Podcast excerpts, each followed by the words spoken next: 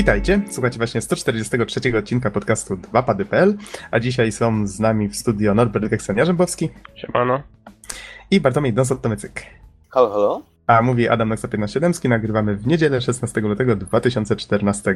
No a Bizon dzisiaj niestety gdzieś odfrunął, więc jest z nami tylko duchem. Myślę, że on gdzieś tam został jeszcze myślami w święcie zakochanych i, i nie powinniśmy mu przeszkadzać. A, być może. Ale wiesz co, ja teraz tak przeczytałem newsa o tym, że y, beta Titanfalla jest darmowa na Xbox One. Ja chyba wiem, gdzie on teraz jest i co robi. Ach, jesteś okrutny. A tak y, jeszcze a propos tej bety, na CDAction.pl wyczytałem, że ona dla PC-towców też ma być darmowa. Już zamieściłem to info na naszym Facebooku, bo prawdopodobnie już ta beta się skończy, jak zamieścimy podcast. Może komuś ten news się przysłuży. Chociaż ty, Norbert, mówiłeś, że tylko to miało być dla osób z kodami, tak? No właśnie wiem, że klucze rozsyłali, no bo dwóch moich znajomych dostało, no i tak się zdziwiłem, no bo nagle news, że niby wszyscy będą mieli dostęp. Nie wiem, nie wiem, zobaczymy. Mhm. No dobrze, ale to, to w takim razie zostawmy. Co my tutaj jeszcze mamy takiego ciekawego z ostatnich nowinek? E, Nintendo Direct. To może ty, Norbert, troszeczkę powiesz na ten temat? Okej, więc odbyło się ostatnio duże, duże naprawdę Nintendo Direct 13 o 10 wieczorem. No i tak przelecę na szybko, ponieważ było tak jak mówię tylko dużo. Powiedzieli nowe postacie do Super Smash Bros., więc będziemy mieli Little Maca z Punch Outa, taka stara gra na NES-a o bokserze takim. Więc będzie dodatkowa postać. Oprócz tego wiadomo, że będzie też chociażby ten trener z Wii Fit. Kolejny tytuł e, Mario Golf World Tour. No i tutaj nowy Golf Mario w wydaniu na 3DS-a.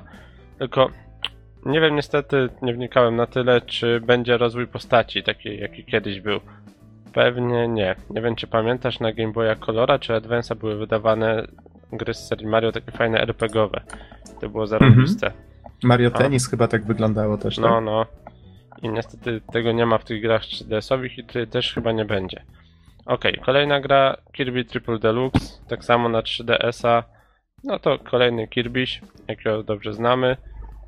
Jeszcze kolejna gra e, Yoshi's New Island. No i tutaj jeszcze dodatkowo dopowiedzieli, że będzie także edycja e, dedykowana z 3DS-em XL. A co to znaczy? E, czyli będziesz miał po prostu specjalnego 3DS-a XL z Yoshim. Aha, w taki sposób, okej, rozumiem. Tak. Okej. E, Jakby można już pobrać sobie za darmo Steel Diver Subwars. Wcześniej była to gra płatna, teraz jest jakaś wersja okrojona, udostępniona w modelu free to play. A, to ciekawe. To chyba Więc- pierwszy taki tytuł na, na 3DS-a. Tak, więc Nintendo eksperymentuje. E, jakby gra jest nastawiona na potyczkę mm, taką w multi, ale jest też, też e, tryb single, więc bez problemu sobie pogracie. Kolejna gra e, Pokémon Battle Link. Będzie to taka gra logiczna, takie jakby układanie w pary, czy, może nie, nie tyle pary, ale no to jest znane takie przesuwanie elementów, żeby stworzyć e, linię tych samych elementów, tak? W tym przypadku Pokémonów. Mhm. Nic specjalnego, ale jeżeli ktoś jest fanem, czy nawet jako prosta gierka logiczna, nie tylko dla fanów Pokémon na pewno się sprawdzi. Poza tym 28 marca premiera e, Profesor Lighton kontra Phoenix Wright. No więc jakby się przypominają, gierka na To- pewno to będzie się- ciekawa. To się zapowiada, no. Faktycznie super. Kolejna rzecz. E, Okej, więc Monster Hunter? dokładnie. Począt... Tylko Urka zapowiedzieli Ultimate. w sumie premierę, która odbędzie się na początku 2015, więc jeszcze daleko. Tutaj posiłkujemy się, dodam tylko, posiłkujemy się listą na Deadly Serious. Dokładnie. Ech, aż mi już brakuje tchu, dobra. Dobra, to ja może pomogę troszeczkę. Nintendo Pocket e, Football Club, tak? Też mm, było powiedziane coś na ten temat, że premiera 17 kwietnia. Weapon e, Shop de Omase. To nie mam pojęcia, co to jest. To będzie, zapowiada się kolejna taka minigierka od twórców e, Guild One i innych tego typu minigierek, więc Tak, tak, już, już tutaj widzę w opisie, że chodzi o grę z tego zestawu Guild Zero One. To, to jest to, co żeśmy wspominali o tym. Nawet niektóre gierki recenzowaliśmy. Ja mówiłem bodajże o e, Crimes on Shroud i chyba nie recenzowaliśmy Liberation Maiden, ale to też jest z tego zestawu, co nie? Po- Powstały chyba dwie takie paczki, w Japonii sprzedawali to jako takie zestawy, one się właśnie Guild nazywały z numerkiem i tam były powiedzmy cztery gry w środku, a u nas to sprzedawali jako osobne tytuły tylko przez, tylko w dystrybucji cyfrowej. I tutaj właśnie to jest chyba jedyny tytuł y, z tego Guild One, który do tej pory nie był w angielskiej wersji. Widzę, że wciela, cytując, wcielamy się w pomocnika Kowala, który musi nauczyć się kuć bronię. Tak, no i to ma taki też charakter minigierkowy, to warto dodać jak wszystkie z tego typu produkcji. Przy czym no, dla tych, którzy nie wiedzą, nie jest to pełna cena, tylko tak samo będzie to kosztować pewnie około 20-30 zł. No, czasami tam chyba do 40 też dochodziły. Nie, nie jestem pewien, ale zdarzało się chyba. No, czasem, czasem. Mhm. Okej, kolejny tytuł Etrian Odyssey Untold The Millennium Girl. No i tutaj będziemy mieli takiego dungeon crawlera e, z dość fajną oprawą graficzną, nawet bardzo ładną bym powiedział. E, No w sumie na tym możemy pozostać, tam nie wchodzić w szczegóły, bo troszkę tego jest. I Child of Light, platformówka na Wii U, która dość fajnie się prezentuje pod, pod kątem stylu graficznego, choć z drugiej strony no też nam nic nie urwie. Przynajmniej tak się nie zapowiada. Dość specyficzny klimat taki japoński, bardzo artystyczny z jednej strony, ale mnie jakoś to nie porywa. Tak to może zostawię. Okej. Ale prezentuje się całkiem tak nietypowo, ładnie, tak jak mówisz, artystycznie. Mhm. Choć szczerze mnie te gry takie bardziej to artystycznie jakoś nie do końca. Okej. No właśnie, jakoś mnie też nie. Wygląda oczywiście ładnie i całkiem estetycznie, ale, ale daleko to do prac, powiedzmy, doktora ASP. Okej. E, Kolejny tytuł Donkey Kong Tropical Freeze, Donkey Kong Country Tropical Tak, Freeze. więc to mnie prędzej przekonuje, o w ten sposób to ujmę. Gierka Czy, czy, czyli wolisz klima, klimaty luźne i bardziej wesołe, tak? Niekoniecznie luźne, ale nie na tle artystyczne. Nie wiem, czy, czy po prostu wczułbym się w ten, wiesz, klimat. No ale dobra, zostawmy tamtą grę. Mhm. bo jeszcze trochę tego przed nami. NES Remix 2, chyba najbardziej wyczekiwana przeze mnie gra z zestawu, czyli e, jakby kontynuacja NES Remixa 1, którego już mieliśmy. Czyli takich wariacji minigierek w, w starych grach NESowych, które bardzo fajnie się sprawdzają, żeby sobie tak na szybko pograć i to będzie tak samo na Wii U. No i poza tym zapowiedzieli, że na wirtualnej maszynie w kwietniu ukaże się Yoshi's Island. Poza tym Metroid Fusion, no i Mario and Luigi Superstar Saga. Więc Kurczę, fajnie, powiedz że te mi, gry- dlaczego, dlaczego tych gier nie ma na 3DS-ie? Jestem prawie pewien, że ta konsolka dałaby sobie radę z emulacją GBA. Metroid Fusion to bym kupił w ciemno, bo to jest tak świetna gra. Polecam, jak ktoś nie grał. Nie ma, no bo możesz sobie kupić po prostu karty zwykłe i grać na, na zwykłym, wiesz. Przecież GBA już nie produkują. A, przepraszam, GBA. Aha. A, a nie wiem, czy ja jako ambasador nie mam Metroid Fusion. No właśnie coś sobie przypominam, że wspominałeś o tym. Fusiona chyba mam jako ambasador, więc Czyli ta gra jest w końcu dostępna na 3DS-ie?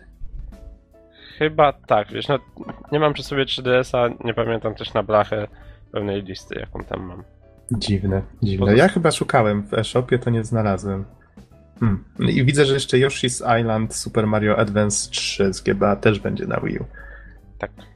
Mhm. I potem widzę. mm, Oczywiście tutaj do wszystkich tych gier są podane premiery, a przynajmniej do większości. Tutaj akurat widzę GBA na Wii U jest premiera kwiecień, więc odsyłamy do tego linka, który zamieścimy pod podcastem, jak ktoś jest zainteresowany po szczegóły. Widzę, że tutaj jeszcze o Mario Kart 8 wspomnieli. Będzie Mhm, grywana dobra. cała rodzina Bowsera.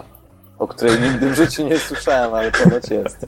Wiecie Tak, co, szczerze tak, powiedziawszy, ja trochę, no nie wiem, wydaje mi się, że Nintendo to jest jakby wielka, mm, wielka fabryka postaci bez wyrazu, w sensie yy, one mają o tyle wyraz i charakter, ile wyglądają i to już. Nie mają żadnej historii, motywacji, jeśli już jakaś jest, to strasznie uproszczona, one po prostu są. To znaczy, ja kiedyś słyszałem właśnie, że w tym tkwi po części ich siła, że o tyle, o ile coś możesz lubić w postaci, to tak samo możesz czegoś nie lubić. A kiedy masz taką postać jak Mario, Który To- jest pustą kartką, no to nie masz za co go nie lubić. tak, że, że zapisujesz go tylko tym, za co go lubisz, tak? W sumie. Czasem nie lubisz go za to, że jest pustą kartką, ale może nie, nie wnikajmy w Al, albo, albo jak patrzysz na linka, no to teoretycznie co widzisz? Widzisz jakiegoś poszukiwacza przygód, rycerza z tarczą i, i mieczem, nie? I chyba Zresztą tylko o to nie chodzi. On, on, on chyba ma jakąś tam historyjkę swoją. No właśnie, dalej. on, nie, do, nie do końca, bo ona się zmienia z każdą częścią, Mhm. więc to też jest ale, taka pusta ale wiecie, kartka. chodzi mi o to, że, że właśnie w przypadku gier w stylu Mario Kart i wszystkich postaci, które tam są, one w zasadzie no, nic nie mają ze sobą. Aha. Masz do, do czynienia, na przykład, no nie wiem, Donkey Kong i, i ten jakiś młodszy Kong, y, młodsza małpka, bo tam pojawi się na trailerze jeszcze jakaś y, Donkey Kong Country małpka z brodą, to pewnie jego, jego dziadek. No i nie wiem, tak można rozbudowywać to wszystko, włącznie z wersjami dziecięcymi, tam bodajże Mario i tak dalej też są. No i no nie Mhm. wiem, to są takie puste kartki po prostu, to jest niesamowite. Ale jakby na to nie patrzeć, wygląd każdej z tych postaci sprawia, że ty jakby automatycznie przypisujesz do niej jakiś taki charakter. Potrafisz To jest- wyczytać to od razu, co nie? No, no tak, no, tak jak powiedziałem na początku, ich wygląd jest ich charakterem. Mhm. Na tym się kończy. Trochę jak dla bajek. Jak w bajkach dla dzieci, no w sumie tak to wyglądało. Także patrzyłeś na postać, już wiedziałeś, czy był ten dobry, czy ten zły. Ale. No nie wiem, no Mario. Dobra, może zostawmy psychikę Mario i, i tego Wiecie, ale, wiesz. ale wydaje mi się, że Don tutaj całkiem ciekawy temat poruszył, bo jakby na to nie patrzeć, tutaj Norbert też o tym wspomniałeś, to może być właśnie ta mocna strona tych postaci, dzięki temu one trafiają i do młodych, i do starych, prawda? No, Spojrzysz i dokładnie. od razu wiesz, czego się spodziewać. W No sensie- dobrze. a- To, to Mhm. że Mario nie mówi, to nie masz tego problemu, że ty jako dorosła osoba musisz słuchać jakichś dialogów pisanych dla pięciolatków. Więc. No, wiesz, coś tam te- nawija po swoim pseudo, tak, pseudowłosku. ale wiesz o co mi chodzi, nie? Że Mhm. nie zarzucają cię fabułą, która jest pisana dla dzieci na przykład. Więc nikt się nie męczy przy tych grach pod tym kątem. Z drugiej strony nie ma też jakiejś fabuły, która cię chwyci za serce, ale ciężko w Mario też moim zdaniem o coś takiego by było. A pamiętasz Okej. o serii Mario and Luigi? Tak. Tutaj A, wspomnieliśmy już o Su- Superstar Saga. A, ale nie, tam fabuła też była, wiesz, sztampowa i na dokładkę. Nie miałeś zwrotów akcji, nic takiego. No, ale była zabawna i chyba o to w niej przede wszystkim chodzi. No ale okej, y, Dobra, przechodząc dalej. ostatni tytuł X, czyli... Właściwie dwa ostatnie tytuły, tak? E, X i Bayonetta 2. Tutaj A, do, tak, do obu pokazano nowy gameplay. Znaczy właściwie do Exa pokazano gameplay, do Bajonety zwiastun, ale też, z, też z gameplayem. No i faktycznie muszę przyznać, te dwa tytuły zapowiadają się bardzo fajnie. Dla nich mógłbym, mógłbym się pokusić o kupno Wii U, jakbym miał za co. Okej, więc Jakbym miał to, tak, w sumie, w sumie to podkreśla całą sytuację. Oj tam, oj tam. Więc X to taki następca, i to widać od razu, Xenoblade Chronicles. E, Przy czym chyba troszeczkę bardziej postawiono na akcję i dobrze to grze wyszło. Więc jest to taki miks gry akcji i RPGa, bardzo fajnie zbalansowany. Twórcy już w jedynce, w sensie w Xenoblade Chronicles, jakby zachwycali e, gracza pięknymi widokami, gdzie chodziliśmy po prostu tak naprawdę po jednym wielkim, ogromnym takim mechu, który był całą po prostu krainą dla nas jako takich małych stworków ludzi. Jakiś mity, mityczny kolos, coś takiego? Tak, tak, dokładnie. I tutaj widzę już, że krajobrazy są podobne, takie Mhm.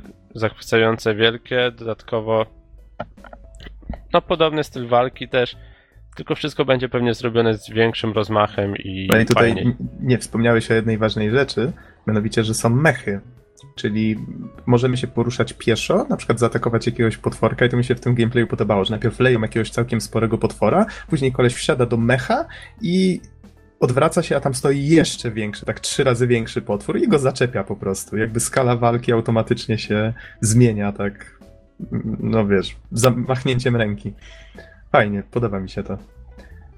Ciekaw jestem, jak to będzie tutaj wykorzystane jeszcze. A z kolei Bajoneta, no jak to Bajoneta, jak ktoś grał w jedynkę, to wie, że to jest gra, która jest kompletnie zakręcona i tutaj właściwie na tym zwiastunie to feria barw i wszystkiego wylewa się z ekranu. Więc myślę, no że, myślę, tutaj... że to, tak jak dyskutowaliśmy chwilę przed podcastem, Aha. ci, którzy grali w najnowsze DMC, zresztą chyba nie tylko najnowsze, też chyba mają pe pewne poglądy na to, jak będzie ta gra wyglądać. Sam powiedziałeś, że, że te gry mają dużo wspólnego, dlatego że mają wspólnych twórców w zasadzie, więc. To znaczy, y, nie znam szczegółów, ale pamiętam, że jak Capcom wywalił ekipę Clover Studio odpowiedzialną za Okami, to razem z nimi odeszli albo też zostali wyrzuceni ojcowie serii Resident Evil, być może I też właśnie Devil May Cry. tak, założyli to Platinum Games, przygarnęła ich Sega i oni właśnie teraz tworzą te różne zwariowane produkcje. Już zdążyli kilka ich, kilka ich stworzyć, to faktycznie są całkiem fajne gry. Ja na to patrzę jak taki pstryczek właśnie w nos dla Capcomu. Patrzcie, gdybyście nas tutaj zatrzymali i dali nam trochę swobody, to takie rzeczy byśmy wam odwalili. No cóż, Capcom, jakby to, jakby na to nie patrzeć, podejmuje dziwne decyzje i coś, coś tak nie za bardzo im wychodzi, ale to już może temat na inną dyskusję. No dobrze, to w takim razie zamieścimy to wszystko pod, pod podcastem. Będziecie mogli obejrzeć screeny sobie jeszcze tutaj na Innerworldzie z, z Exa. I widzę, że do bajonety też są nawet. Akurat na Deadly Serious nie widzę tych screenów. I, I w sumie z newsów to jeszcze wrzucimy pewnie do filmików. Nie wiem, czy widziałeś ten nowy zwiastun z Dying Light. Człowieczeństwo się nazywa. Z Dying Light, tak? Mhm. Przerwało całkiem, na moment. Nie widziałem Całkiem niestety. fajny, klimatyczny. I, I w sumie taki news jeszcze króciutki, który znalazłem przed chwilą na cdaction.pl, że Kickstarter został zaatakowany przez hakerów i wyciekły dane, zaszyfrowane hasła, adresy mailowe, nazwy użytkowników, tego typu rzeczy. Ponoć nie wyciekły numery kart kredytowych, ale to i tak i tak warto jednak, jeżeli ktoś ma konto na Kickstarterze, zmienić, zmienić hasło i troszeczkę, wiecie, zabezpieczyć się, bo no, jakaś taka nieprzyjemna sytuacja wyniknęła. Ponoć 12 lutego się włamali. Nie wiadomo kto i jak, ale już tutaj dyrektor generalny Kickstartera ogłosił, że, że to pewne że coś takiego miało miejsce. No dobrze, i myślę, że jeżeli nie macie żadnych newsów jeszcze do dodania, to możemy chyba przechodzić w takim razie do tematów głównych. Znaczy, wiesz co, ja myślę, że moglibyśmy dosłownie minutkę poświęcić na temat tego trailera. Aha. Dlatego, że no, wszyscy wiemy, już, już na, na ten temat dyskutowaliśmy, bodajże poruszaliśmy go dwa razy. Dying Light to jest oczywiście produkcja bardzo zbliżona pod kątem silnikowym do Dead Island. W zasadzie to są ci sami twórcy.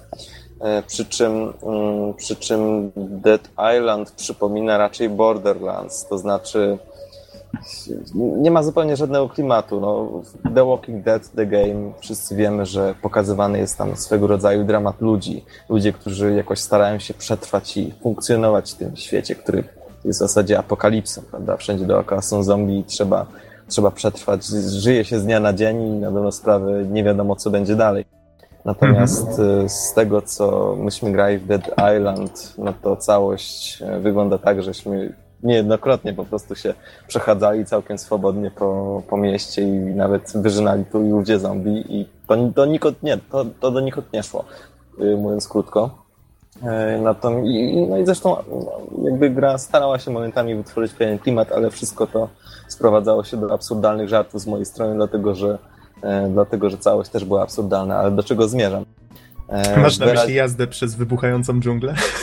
Na przykład, ale chodzi mi też o to, że gra próbowała stworzyć jakieś takie poruszające za serce, dramatyczne momenty, które nie były dramatyczne, dlatego że e, jakby te postaci niezależne nie żyły własnym życiem, one zawsze stały w jednym miejscu. A, a jeśli się wykonał jakiś quest, to może się przeniosły w drugie miejsce, ale jakby, jakby to były niezależne osoby, które czekały, aż my coś zrobimy. One same w sobie nic nie robiły. I ten cały świat, no, może to trafne określenie, był martwy, ale ten świat żywych ludzi też był stricte martwy. Natomiast y, przechodzę do meritum. O co mi chodzi? Dying Light y, zdaje się być świadomym błędów z Dead Island i próbuje je naprawić. To znaczy, po pierwsze, wydaje mi się, że rozgrywka, chociaż będzie podobna, jeśli chodzi na przykład o poruszanie się po świecie, produkowanie broni i tak dalej, czy sam model rozgrywki, ale, e, ale będzie on z tym jakby pierwiastkiem dramatyzmu. Nie będziemy mogli swobodnie się przechadzać po ulicach, bo niejednokrotnie okaże się, że, że, są pełne, że ulice są pełne zombie. W dodatku będziemy musieli uważać także na zmieniające się porę dnia i nocy. I, właśnie, i wchodzi tutaj ten trailer, który dodatkowo podkreśla jeszcze pewną filozofię świata, który w grze będzie występować e, i próbujący nadać jej pewną głębię. I ja osobiście żywię do tego projektu naprawdę wielkie nadzieje i mam nadzieję, że, e, że uda się twórcom stworzyć grę, która będzie bardzo grywalna z jednej strony, a z drugiej będzie no, oddawała ten pewien klimat apokaliptycznego świata, pewnych pytań, nawet etycznych czy filozoficznych. E, no i oczywiście ten cały dramat pokazała w jakiś sposób. No i nie wiem, już od jakiegoś czasu widzę sygnały z Dying Light, że, że faktycznie twórcy idą w tym kierunku i, e, i odcinają się od, od Dead Island e, w jakimś stopniu i mam nadzieję, że to się uda. Trochę się rozwinąłem, ale mam nadzieję, że, e, że dobrze swoją myśl wyłożyłem. Mhm. Tak, bardzo, bardzo fajne takie rozmyślania. Co prawda jeszcze nie skończyliśmy tego Dead Island do końca, ale mam nadzieję, że kiedyś nam się uda. No myślę, że, że na święta wielkanocne jakoś, jakoś tematycznie może nie bardzo, ale, ale jakoś to się uda. A właśnie, pamiętasz może kiedy miała być premiera Dying Light? Ja nie wiem, czy w związku nie jest podane, już patrzę. Chyba nie ma. Hmm. Zachęcają do preordera, ale nie widzę tu daty. No każdym razie... Order. Nie ma, nie ma. No zobaczymy, wiesz, bo to, o czym mówisz, jak najbardziej też mam nadzieję, że faktycznie w Dying Light tak będzie, ale bierzmy pod uwagę, że twórcy chyba mocno skupiają się na gameplayu i znowu może się okazać, że faktycznie ta warstwa fabularna będzie taka trochę martwa, jak ty to ująłeś, nie? To oczywiście nie wiem, tak tutaj się domyślam. Mhm. To, to, jest jednak gra, to jest jednak gra, która widać, że się w 100% skupia na, na gameplayu i to jest w niej najważniejsze. Nie mamy tutaj, no wiesz, jakby jednej linii, po której możemy iść, tak jak Call of Duty, gdzie nami kierują, gdzie pokazują tą fabułę, historię. Więc no, ciężej trochę w takim świecie opowiadać taką, taką klimatyczną historię. Nie, nie wiem, czy znaczy, twórcy będą w tę stronę. Wydaje mi się, że, że w tym wypadku równie dobrze będzie można opowiadać historię za pomocą samego gameplayu. Dlatego, że mhm. jak, jak zauważyliśmy już na poprzednich gameplayach, które były pokazywane na YouTube, yy, widać, że powiedzmy, jest, był jakiś zrzut, gracz musiał do niego dotrzeć prawda? I, I to samo w sobie było biegiem już, bo, bo tam fabularnie jakieś inne e, grupy próbowały też ten zrzut zgarnąć. Ale co wchodziło dalej? Mm, po pierwsze, ulice były zapełnione zombie, czyli nie mamy tak jak w Dead Island swobodnego chodzenia sobie po ulicy, tak jak myśmy to robili i to tak zupełnie bezczelnie. Tyle, tylko mamy pewne. Wydaje mi się, że twórcy starają się tutaj uzyskać taki, taki taką atmosferę, że bohater jest strasznie kruchy. W sensie musi uważać, gdzie się porusza i jakby poruszać się bardzo szybko po dachach jakimiś improwizowanymi ścieżkami, żeby po prostu unikać tych zombie. E, I, I już samo to byłoby świetnym pomysłem. Żeby po prostu walka na dłuższą metę nie ma sensu, trzeba uciekać, trzeba szukać drogi jakiegoś wyjścia i myślę, że to byłby naprawdę mocny punkt tej gry. Mam nadzieję, że, że tak to wyjdzie i tak to będzie wyglądało. Dobra, bo chyba się już za długo rozgadaliśmy na ten temat. Myślę, że było warto wspomnieć, ale, ale już chyba trzeba dojść do tematów głównych. Dobrze, w takim razie przechodzimy do tego, a mianowicie są to dwie recenzje i dzisiaj będziemy mówić o grze The Tankers i o Mega Man Zero Collection. I tutaj o tym pierwszym to jest o tyle nietypowa dla nas sytuacja, że twórcy tej gry niezależnej sami do nas się zgłosili z propozycją właśnie zrecenzowania jej. Dostaliśmy kody na, na Desurę właśnie, żeby móc tam grę sobie ściągnąć i w nią pograć. Mamy też kody dla was, więc będziemy mogli rozdać je na Facebooku. Myślę, że troszeczkę bliżej premiery tego odcinka to zrobimy. No i właśnie, to może, nie wiem, Don, chcesz opowiedzieć troszeczkę, czym jest The Tankers? Wiesz co, może ty zacznij. mam, no to... takie, nie, mam Czy... takie przeczucie, że ty powinieneś zacząć. Mówisz o mojej przeszłości związanej z Pegasusem. Nie do końca, ale, ale ujmijmy, ujmijmy, że, że w ten sposób też, to, też tak można to czytać. W zasadzie, bo gra jest klonem e, bardzo sły, słan, słynnej, a przynajmniej tak mi się wydaje, że słynnej, bo, bo chyba dużo ludzi, którzy posiadali Pegasusa, znają tą grę. E, Battle City. Tak, jest klonem Battle City, Battle City przy, przy, przy, przy czym ja ja grę nazywałem czołgi po prostu. tak, to, to nie było, tylko ty, spoko. Ja, to wszyscy wtedy mówili na to po prostu czołgi, tanki, bo to myślę, że to chyba nawet niektóre wersje się nazywały tanks po prostu. Mhm. wtedy te gry były klonowane, w sensie mm, hakowane, były różne wersje, które działały w różny sposób. Te, te składanki typu tysiąc w jednym, tak? Mnóstwo tego było. W każdym razie gra nazywa się właśnie mm, Battle City i i chodziło w niej o to, tak jeżeli ktoś się nigdy z tym nie spotkał, mieliśmy na ekranie jakąś planszę, mieliśmy Która na niej... była najczęściej wyobrażeniem miasta, składała się z klocków cegieł, lasów, tak, rzek. Tak. To były różne klocki, z którymi czołgi reagowały w różny sposób, ale w zasadzie główna zasada e, pozostawała taka sama na wszystkich poziomach. W dolnym rogu, na środku, w dolnej części poziomu, na, na środku mniej więcej było, był taki zabudowany orzełek co mi się bardzo fajnie kojarzyło, bo, bo naszym godłem po kraju jest orzeł, więc... więc Bronimy orzełka, ja tam, widziałem, ja tam widziałem Niemców, których trzeba otwierać i to mi bardzo się podobało. Więc, więc właściwie cała gra polegała na tym, że trzeba było obronić orzełka, czyli tej jakby, no nie wiem, ważnego budynku albo stolicy, e, przed atakiem wrogich czołgów, których było od kilkunastu nawet do kilkudziesięciu. Kiedy, jeśli orzełek został zniszczony, przegrywaliśmy grę. Można było grać E, zarówno w pojedynkę, jak i e, z kolegą na przykład, jeśli dało mu się drugiego pana. Tak, ja przyznam, że jakoś nigdy nie byłem szczególnym fanem tanków. No tam pamiętam, że w podstawówce na świetlicy czasami się w to grało faktycznie, ale jednak kontra czy inne platformówki to, to, jednak, był, to jednak był mój konik. Ale tak, tak, pamiętam tanki bardzo dobrze, fajnie, że tak powiem, fajnie, że ludzie jeszcze pamiętają tego typu gry i starają się odświeżyć. No i właśnie The Tankers jest takim klonem. Te, takim podejściem do, do próby odświeżenia tych, tych tanków. I to jest takie podejście twórcy tutaj e, Our Games, tak? Dobrze mówię? Mhm. tak, A, Our Games. Są to, są to trzy osoby, trzech zapaleńców, którzy po godzinach bodajże od 2010, jeżeli dobrze wyczytałem, tworzyło właśnie tą grę. I, i to jest takie podejście stworzy, y, typu stwórzmy grę, która będzie bardziej pod platformy mobilne. Tutaj też wersja PC-towa, jak widać, też się ukazała. No i to trochę widać. To trochę widać, że ta gra miała przede wszystkim na ekranie mobilnym tutaj Tylko się czekaj, sprawdzić. Noxu, moje pytanie brzmi, mm -hmm. czy ona jest, jest, czy ona jest dostępna na platformy mobilne? Niestety nie sprawdzałem. Mhm, no bo myślę, że to jest e, decydujący czynnik tutaj, dlatego mhm. że mm, struktura interfejsu, czy nawet samego menu po prostu y, całkowicie nie współgra z PC-tem. Ale może, może zanim zaczniemy mówić o takich szczegółach, w zasadzie można by powiedzieć to na samym wstępie, że jest to swego rodzaju klon e, Battle City, który działa na takiej zasadzie, że Mm, jest to klon tej gry, który właściwie z rąb większość rozgrywki idealnie odtwarza, natomiast posiada także kilka dodatków własnych. To znaczy, no oczywiście nowe poziomy, e, kilka nowych trybów, e, nowe bonusy i tak dalej, i tak dalej. Natomiast no, to wygląda to tak, że jest to klon Battle City. Ja bym tego nie nazwał klonem, no bo klon no to jest jakby jeden w jeden, tak?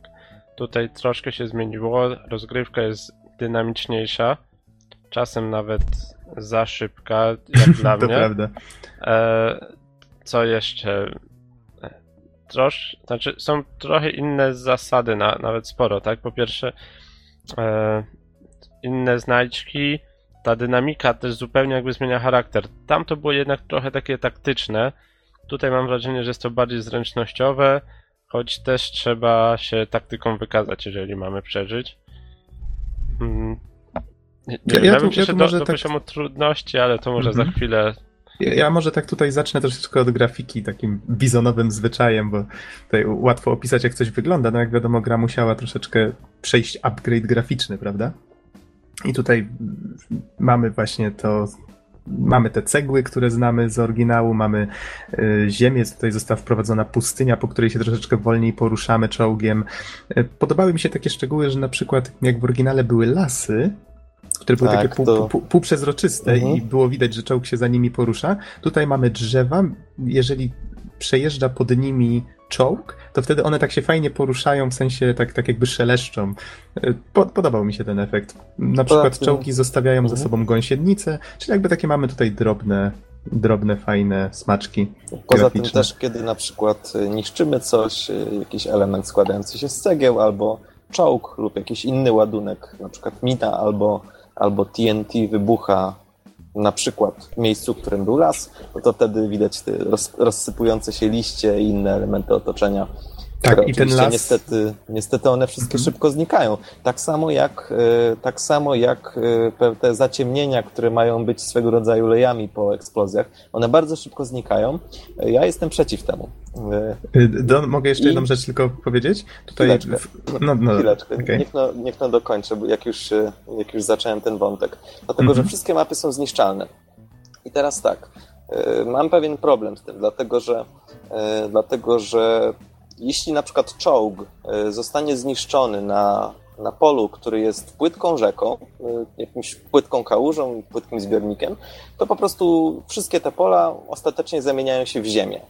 E, No i na dobrą sprawę za pomocą różnych bonusów, rakiet, TNT, min i innych tego typu rzeczy można zniszczyć właściwie wszystkie elementy na mapie i na dobrą sprawę punktem wyjściowym, maksymalnym poziomem zniszczenia każdej mapy, każdej, jest e, czyste pole wypełnione ziemią.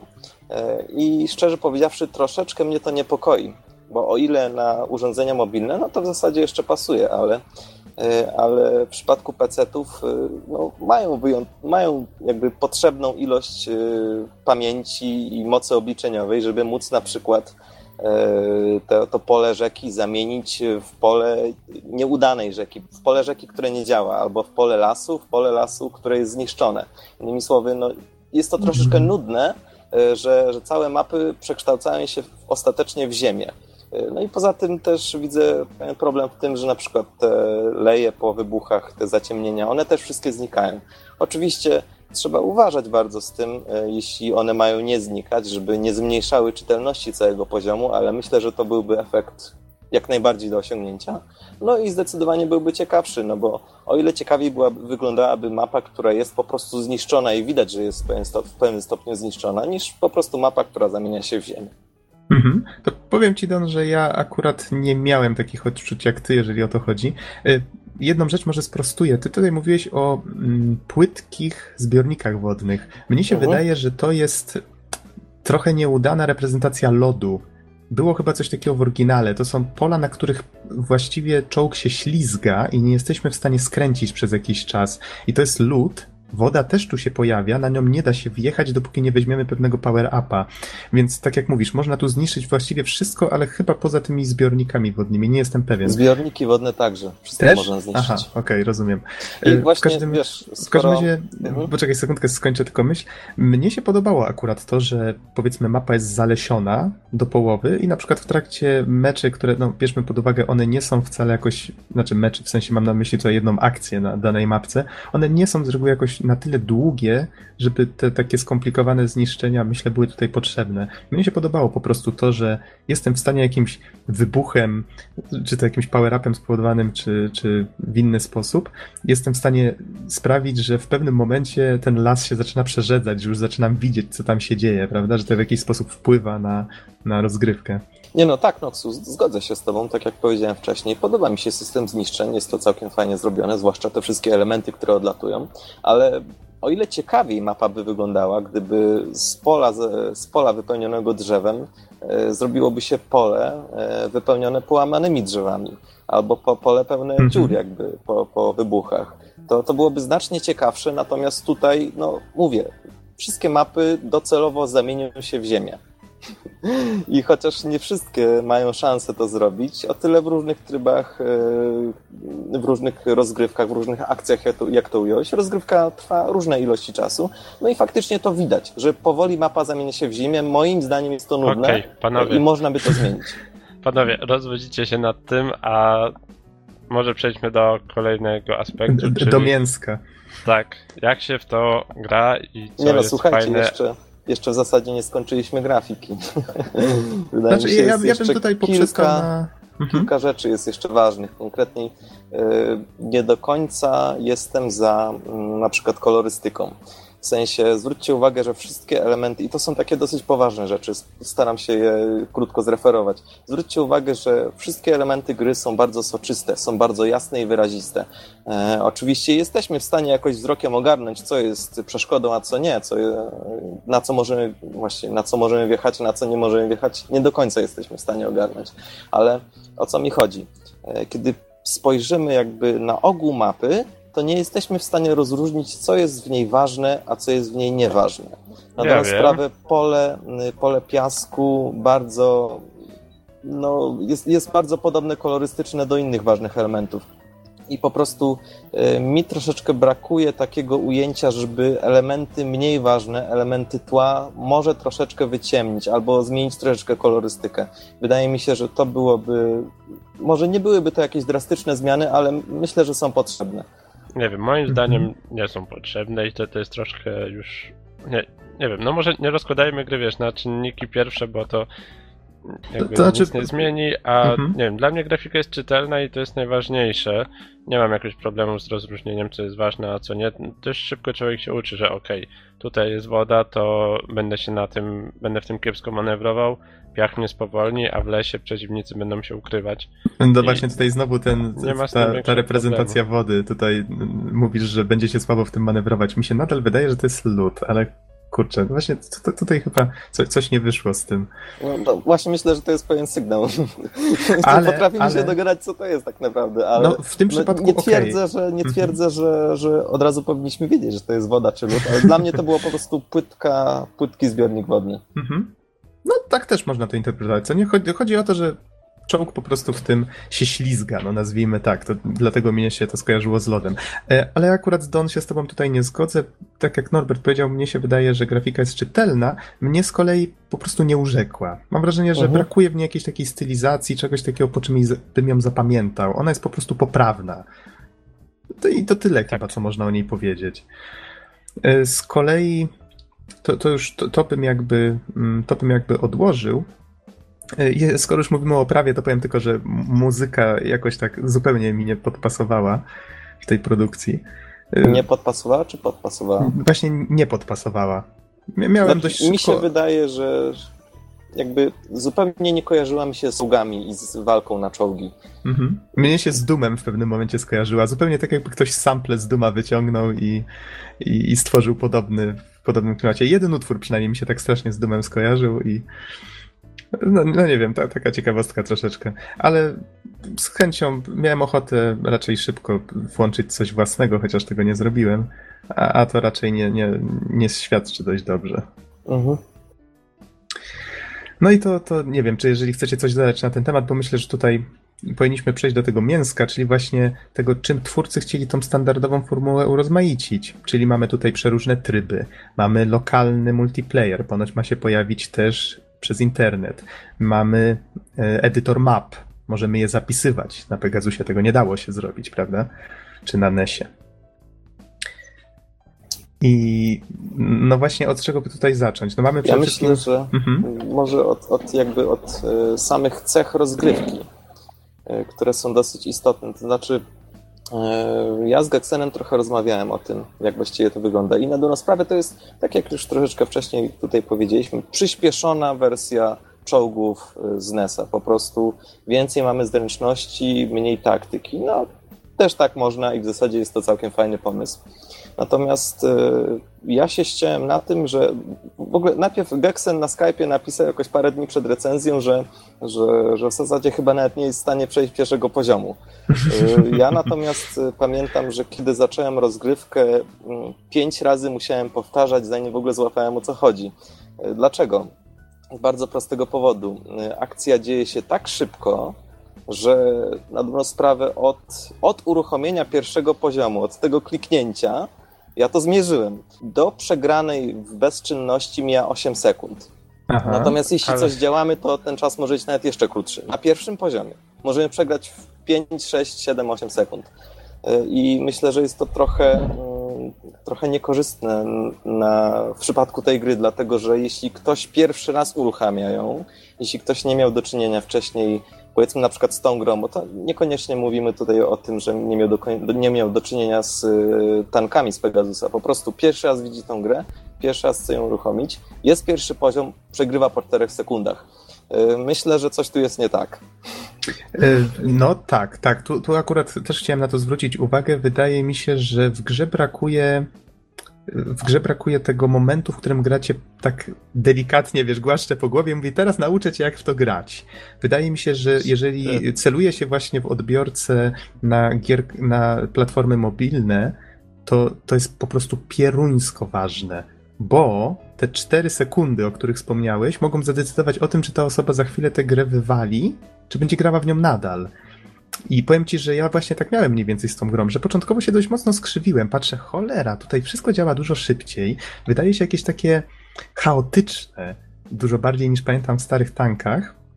I to początkowo prawie się od tego odbiłem. Dopiero jak zacząłem grać trochę dłużej, to stwierdziłem, okay, to jest całkiem fajne, tylko że trzeba pamiętać o kilku rzeczach, że na przykład jak czołg jedzie w naszą, znaczy jeszcze nie jedzie w naszą stronę, ale wiemy, że zaraz zakręca, to on prawdopodobnie dosłownie za ułamek sekundy w nas strzeli i że trzeba o tym pamiętać. Tutaj pociski, na przykład jak my wystrzelimy pociski, on wystrzeli, te pociski zderzą się w powietrzu i wybuchną. I właściwie trzeba o tym wiedzieć i na przykład bronić się w ten sposób. Jeżeli o tym nie wiemy, to z reguły mm, bardzo szybko giniemy. Znaczy, wiesz co, Noxu, ja mhm. do samej formuły rozgrywki nic nie mam, bo to, bo to jest klon czołgów z Pegasusa. Dokładnie to samo. Inne bonusy. Tak, tak, tak. E, ale posłuchajcie, dajcie mi skończyć. Mhm. E, mamy dokładnie taki sam system niszczenia otoczenia. Mamy dokładnie takie same zachowywanie się pocisków, kiedy się ze sobą zderzą. Zrąb rozgrywki to są czołgi z Pegasusa. Na dobrą sprawę. I z tym nie mam problemów. E, to jest intuicyjne, to jest fajnie zrobione. No bo na Pegasusie to też było fajnie zrobione. Tutaj też. Aha. Natomiast Chciałem mam tylko... problem. Mhm. Chciałem tylko zwrócić uwagę na to, że według mnie sztuczna inteligencja reaguje zbyt szybko. Czyli, że twórcy powinni zrobić na przykład typy czołgów, które na przykład reagują dużo wolniej, czyli powiedzmy poruszają się wolniej, strzelają dużo rzadziej, z mniejszą częstotliwością i na przykład na początku gry częstować nas takimi, a potem na mhm. przykład zwiększać trochę. No właśnie, ale znaczy- do czego zmierzam? Dajcie mi dokończyć, bo Aha. nie ma, tak jak tutaj wspomniałeś Nox, nie ma takiego, nie, nie ma czegoś takiego jak pierwszy poziom w tej grze. To znaczy pierwszy poziom, w którym mamy kilku przeciwników, którzy są wolniejsi i którzy po prostu dają nam chwilę, chociażby 30 sekund na to, żeby ogarnąć wzrokiem mapę. Bo ja chciałem się na tym, że, że w tą grę można grać i można wygrywać, ale tylko pod warunkiem, że zanim naciśniesz start, będziesz już w pełni przygotowany na to, co się stanie. A to jest y, w mojej ocenie źle. Dlatego, że to nie jest tak, że powinieneś klikać start i już od razu wiedzieć, jaki to jest poziom i tak dalej.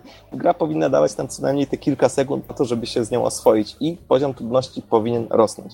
Natomiast e, w związku z powyższym, że przeciwnicy poruszają się szalenie szybko yy, i szalenie szybko reagują, yy, to gra jest stoi na bardzo wysokim poziomie już od pierwszym, na bardzo wysokim poziomie trudności już od pierwszego poziomu. E, I ściąłem się na tym, że z kolejnymi poziomami, poziomami kampanii, ja nie ukończyłem wszystkich, więc nie wiem dokładnie jak to jest, natomiast e, ściąłem się na tym, że jakby sam poziom trudności nie rośnie stricte, tyle że po prostu mapy czasem robią się trochę upierdliwe. Na przykład na środku nad naszą bazą jest pole piasku, no i w momencie, kiedy przejedziemy na lewą stronę i się zagapimy, no to czołg, który po prawej stronie E, się znajdzie naszej bazy, już ją zniszczy w ułamku mhm. sekundy. No, tak, tak, musimy to... się dosłownie pilnować, jakby każdy nasz ruch y, musi być bardzo przemyślany, bo inaczej, inaczej zajedziemy dwa pola za, za dużo w piachu i koniec.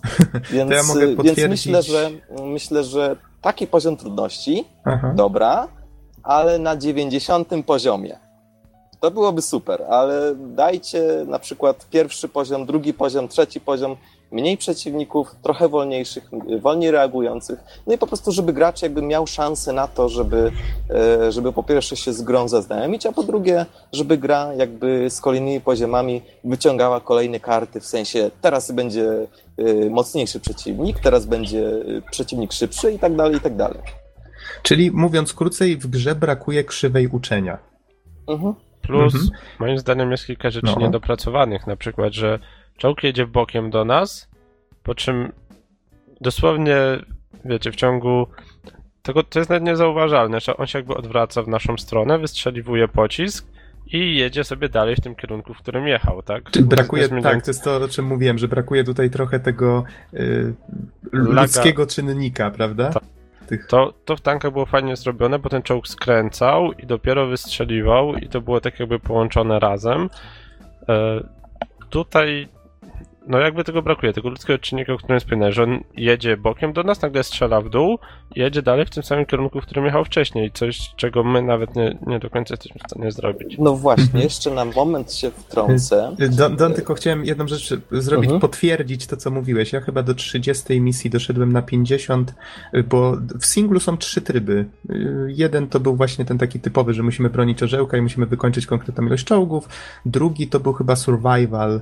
Tu nawet pierwszej planszy nie przeszedłem, który polegał na odpieraniu kolejnych fal. Nie ja jestem pewien- przeszedłem akurat pierwszym. Tak? Ile tych fal jest? O Jezu, już nawet nie wiem, to, to tak szybko migało. I- ale, ja do czwartej chyba.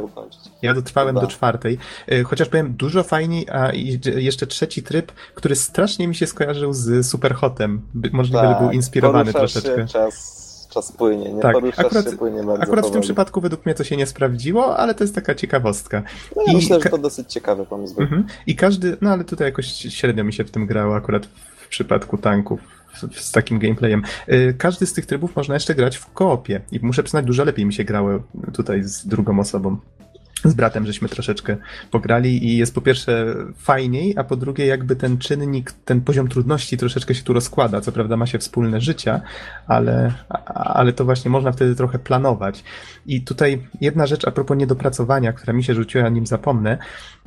Taka dziwna designerska decyzja, która według mnie nie powinna tu mieć miejsca zupełnie, to to, że przeciwnicy mogą podnosić nasze power-upy. A właśnie, miałem o tym wspomnieć przed chwilą. To, to jest według To jest- mnie strasznie dziwne, bo Znaczy- mamy na przykład power-up, który niszczy wszystkich na planszy poza No nami. właśnie, i to To jest Może śmierć na przejmę miejscu. pałeczkę. No właśnie.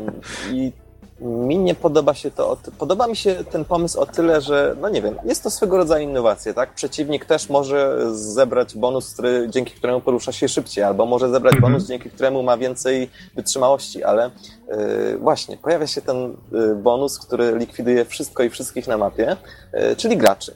Więc jeśli czołg y, wroga, a ich jest całkiem dużo na mapie, zbierze to, no to wtedy nas wszystkich eliminuje graczy z, z automatycznie. Tak, a I power-upy dlaczego pojawiają mam- się w dlaczego- losowych, w losowych miejscach się pojawiają, właśnie, prawda? Mam do tego wąt taki, że wchodzi tutaj czynnik czystej losowości. E, I to nie jest zbyt dobre, kiedy zupełnie losowo, jeśli gra ma kaprys, może nas zabić. I, Zwłaszcza jeżeli jest oparta na zręczności i skillu. I to się zdarza często. Znaczy stosunkowo często. Zdarza się to na tyle często, że ja, Gaxen, jak i ty, żeśmy to zauważyli. Tak, to jest straszne, że albo, nie wiem, gramy i już idzie dobrze, już tam zostało kilku przeciwników, a tutaj nagle dostajemy oślepieniem po oczach, albo przeciwnik dostaje samonaprowadzającą rakietę, która równa się naszej śmierci, albo właśnie ten power-up, o którym mówiliście, że nagle rozwala się wszystko. A, A to jeszcze, żeby... naprowadzającą rakietę można zestrzelić. Nie wiem, czy No. zwróciliście uwagę. No dobrze, no ale No, ale ona jest na tyle szybka. No właśnie, nie dość, że y, przeciwnicy poruszają się bardzo szybko, akcja jest szalenie szybka też.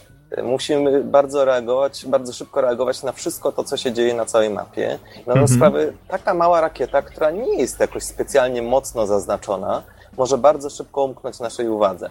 E, I tutaj mam do tego pewne pretensje, dlatego że czasem no teraz się śmieję, dlatego że no, kiedy ja uruchomiłem ten pierwszy poziom, no to ja po pięciu sekundach przegrywałem, nawet nie wiedząc, nie wiedząc dlaczego. Tak, to Nawet jest, nie to jest wiedziałem, dlaczego Mhm. przegrałem. Y, Gram, gram, gram, 5 sekund mój czołg wybucha, coś się ro- rozbłyska, jakaś rakieta leci w moim kierunku, ja zupełnie nie wiem o co chodzi. Tak jak mówiłem, taki poziom trudności, dobra, ale na 90 poziomie.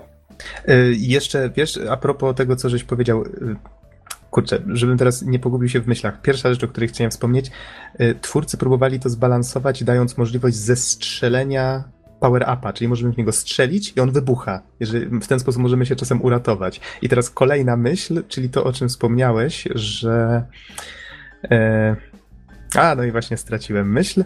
To znaczy, czym... może chodzi ci o to, że ja często łapałem się na tym, że e, likwidowałem power-upa przez przypadek i ten jakby ładunek elektryczny z niego przechodził na mnie i w jakiś sposób szkodził mojemu czołgowi. E, znaczy nie, nie, nie. Chodzi mi o to, o czym przed chwilą żeś mówił, że a, że nie wiedziałeś, co cię zabiło. To jest według mnie też bardzo duża wada, bo zginąć możemy tu na kilka różnych sposobów. I twórcy jakby nie podkreślają, w jaki sposób to się stało, a to łatwo przegapić. Bo możemy zginąć albo na przykład jak przeciwnicy zabiją nam orzełka, no tutaj zakładamy, że gramy w tego singla lub koopa, prawda?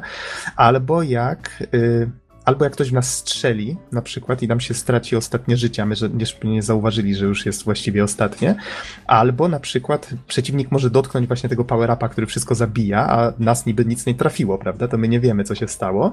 Albo, albo jeszcze... jest ogłuszenie, ekran robi się biały i zazwyczaj już wtedy też nie żyjemy. To, też jest według mnie, to też jest według mnie power-up, którego przeciwnicy nie powinni móc podnosić, bo on, po pierwsze, nie zauważyłem, żeby on coś robił przeciwnikom, więc nie wiem po co on tak na dobrą sprawę jest. Jak się gra no, na przykład on w Versus... chyba ich zatrzymuje. Nie, nie, właśnie znaczy, nie. nie. Jak się gra w Versus, to on wtedy odwraca kierunek strzałek, więc drugi gracz ma z tym problemy. Ale w singlu to działało tak, że właśnie my jesteśmy oślepieni, czyli przez parę sekund widzimy tylko biały kolor. Och, jak fajnie. Ale jak my to zrobimy, no to przeciwnicy właściwie, no nie wiem, czy im to jakoś przeszkadza. Nie, nie zwróciłem na to uwagi. No bo... Wiecie co? Dochodzimy w tym samym do kolejnego problemu, który wydaje mi się dość ważny to znaczy, no. o ile część power-upów yy, powiązałem sobie w głowie z pewnym działaniem, to znaczy trzy kreseczki z jedną przekreśloną na skos to jest y, zlikwidowanie wszystkich przeciwników. Łapka tygrysia to jest szybkie poruszanie się, ale wiele z nich po prostu nie wiem na czym one polegają. W sensie, ja rozumiem, jest tam w menu gdzieś ukryta instrukcja, można to przeczytać, ha, ale z drugiej wiesz strony... Co, ja ją znalazłem chyba dopiero po godzinie gry. Ja ją znalazłem dosyć szybko, ale menu są niestety źle zrobione.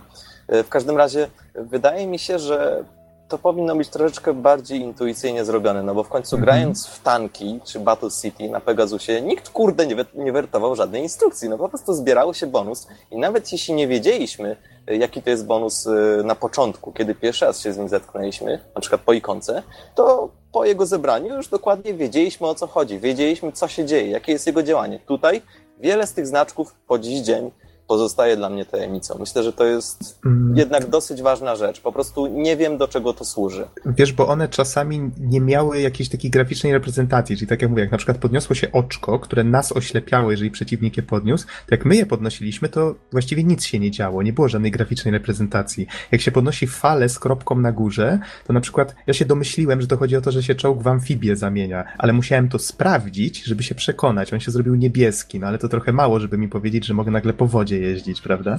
To znaczy. Y, no to są takie troszeczkę szczegóły, ale, ale tak jak mówisz, istotne. To są bardzo ważne szczegóły, tak naprawdę, na dobrą sprawę. To są szczegóły, których w dobrej grze się nie zauważa, bo one grają w tle. Natomiast jeśli one są źle zrobione, to od razu widać, że coś jest nie tak. Ja to widzę, właśnie buduje dobrą grę. To ja są te cegiełki, które budują problem. dobry gameplay. Ja widzę jeszcze jeden problem, mianowicie, że spoko, gdybyśmy my byli w stanie ogarnąć tą mapę samemu i zebrać faktycznie te power-upy, zanim to zrobią przeciwnicy, to wtedy by nie było tego problemu, ale zazwyczaj lądujemy gdzieś w piachu albo w wodzie, plus otoczeni przez tych ultra szybkich przeciwników, którzy strzelają bez żadnego ostrzeżenia, tak naprawdę, i nie da się ogarnąć tych power-upów. To nie jest tak, że one się pojawiają losowo, ale my możemy sobie tam podjechać szybko i je zgarnąć, zanim nasz wróg to zrobi. Po prostu tak, bo... to jest nieuniknione, że mm -hmm. będziemy dostawać tymi power-upami, czy to oślepieniem, czy czymś i ginąć. I to jest bardzo frustrujące.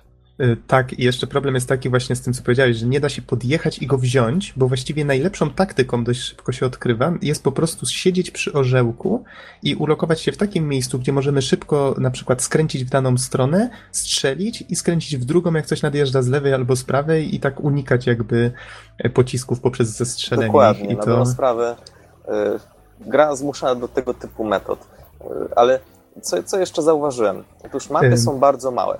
Mhm porównaniu z y, Pegasusem. Wiem, że to jest troszeczkę naciągane, dlatego że to są stricte no, inne gry, ale, ale ostatecznie na Pegasusie, na Pegasusie, nie na Pegasusie, tylko na Pegasusie, mieliśmy okay. wolniejsze tempo i większe mapy.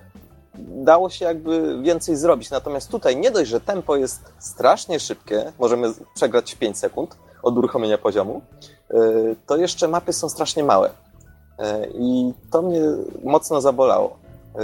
Poza tym próbowałem też troszeczkę bawić się w edytorze i, i, coś tam skomponować. No po prostu nie ma tej przestrzeni, a już w trybie na przykład versus, kiedy mamy 3 na 3 czołgi, to już jakby zupełnie nie ma przestrzeni, na której mogłaby się odbywać jakaś rozgrywka. No to po prostu jest lufa w lufę niemalże stoi. E, ale ja pochwalę twórców na przykład za to, że w edytorze można bardzo szybko testować. Właściwie edytor jest banalnie prosty w obsłudze i od razu można przetestować mapkę, którą mhm, się zrobiło. Tak, to, to, jest, jest fajne. To jest poważna zaleta.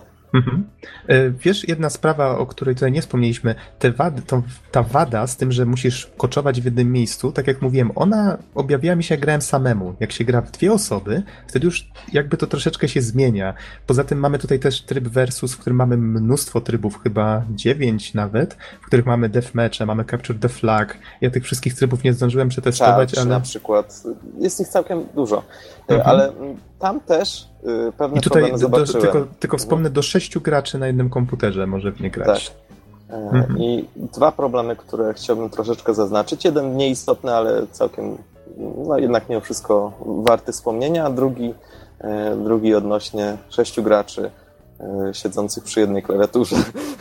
Otóż tak, e, na dobrą sprawę e, w trybie versus mam jeden poważny problem. Otóż mamy na przykład dwie drużyny, niebieską i czerwoną. Drużyna niebieska składa się z niebieskich czołgów, drużyna czerwona z czerwonych. Oczywiste i jasne. Tyle, że te czołgi nie są podpisane. Jeśli, jeśli w tak szybkim środowisku, które tutaj troszeczkę nakreśliliśmy, w którym da się przegrać w kilka sekund, którym co chwila coś wybucha i naprawdę ładnie wybucha, e, i w którym co chwila coś się dzieje, musimy błyskawicznie reagować. Nasz czołg nie jest podpisany, e, to bardzo łatwo się pomylić, którym z nich jesteśmy. I to myślę, że jest dosyć poważny błąd. Musimy wiedzieć, kim sterujemy. E, podpisy oczywiście pojawiają się wtedy, kiedy my zginiemy albo kiedy się odrodzimy, ale w mojej ocenie mały napis, który pojawia się na dwie sekundy, jest zdecydowanie zbyt małą podpowiedzią. Można się naprawdę szybko zgubić. Druga rzecz. E, multiplayer, oczywiście, bardzo fajna sprawa. E, byłem nawet za. Spróbowałem zagrać z Gexenem. E, żeśmy podłączyli e, kontroler do Xboxa i okazało się, że gra zwariowała. W momencie, kiedy, e, kiedy Gexen nacisnął jakikolwiek przycisk z uruchomioną grą w menu, to wtedy automatycznie przestawała odpalać i klawiatura i myszka. Trzeba było ją restartować. Natomiast kiedy już udało nam się załączyć rozgrywkę, okazało się, że, że za pomocą pada no, nie da się efektywnie kontrolować swojego czołgu. Może Gexen chwileczkę ten temat poruszysz. No nie no, no tutaj nie zdać nic ująć, że faktycznie w menu coś kopał ten niby standardowy kontroler od Xboxa, czyli chyba najpopularniejszy w tym momencie, jaki ludzie podłączają do PC-ta, no bo jednak większość gier go wspiera. E, no i w trybie i w samej rozgrywce też, no niestety był nieużywalny po prostu. Może inne gamepady jakieś, ale nie widziałem też opcji nawet konfiguracji, żeby jakoś sterowanie przemapować. Więc to jest problem. Też do naprawienia. Na dobrą e, Ze sterowaniem jest jeszcze taki, mhm. znaczy może a propos pada, ja próbowałem na przykład podłączyć pada od PS3, bo ja nie mam Xboxowego i ja go przez Motion Joya właśnie okłamuję komputer, że to jest pad od Xboxa, nie to PS3. I miałem dokładnie ten sam problem, że gra po pierwsze nie pozwoliła mi, mi przypisać do przycisków, tylko gra automatycznie sprawiała, że musiałem kierować gałką analogową, a nie krzyżakiem.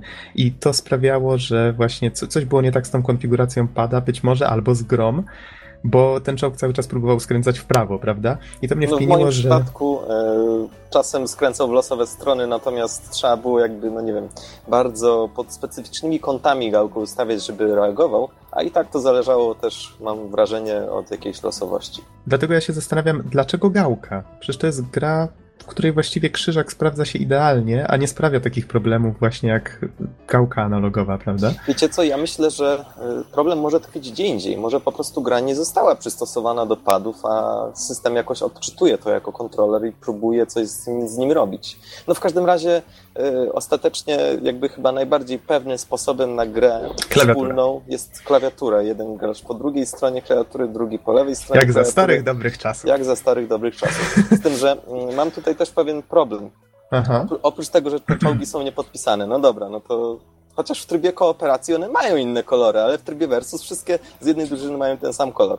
I choć wprawdzie niby jestem w stanie to zrozumieć, dlatego że drużyny powinny nawzajem się rozróżniać, ale przytoczmy tutaj, nie szukajmy daleko, daleko może będzie tutaj dale, daleki przykład, ale Total War. Y, tam też można grać w drużynach i dwaj gracze mogą kontrolować ten sam kraj, który technicznie rzecz biorąc ma tą samą flagę, ale twórcy rozwiązali ten problem wokół flagi dodając inny kolor, taką rameczkę. W ten sposób gracz który gra Wielką Brytanią, rozróżnia swoje wielkie, jednostki Wielkiej Brytanii od jednostki Wielkiej Brytanii drugiego gracza. E, więc no, da się ten problem rozwiązać i niepodpisane czołgi, brak jakie, jakiegokolwiek nika w grze z innym graczem w jednej drużynie, dwa czerwone czołgi można naprawdę się w takiej szybkiej rozgrywce pogubić. Ale weźmy pod uwagę, że, e, że sześciu graczy, sześciu e, miłośników The Tankers nie siądzie na jednej klawiaturze do gry to jest możliwe, że tak się nie stanie.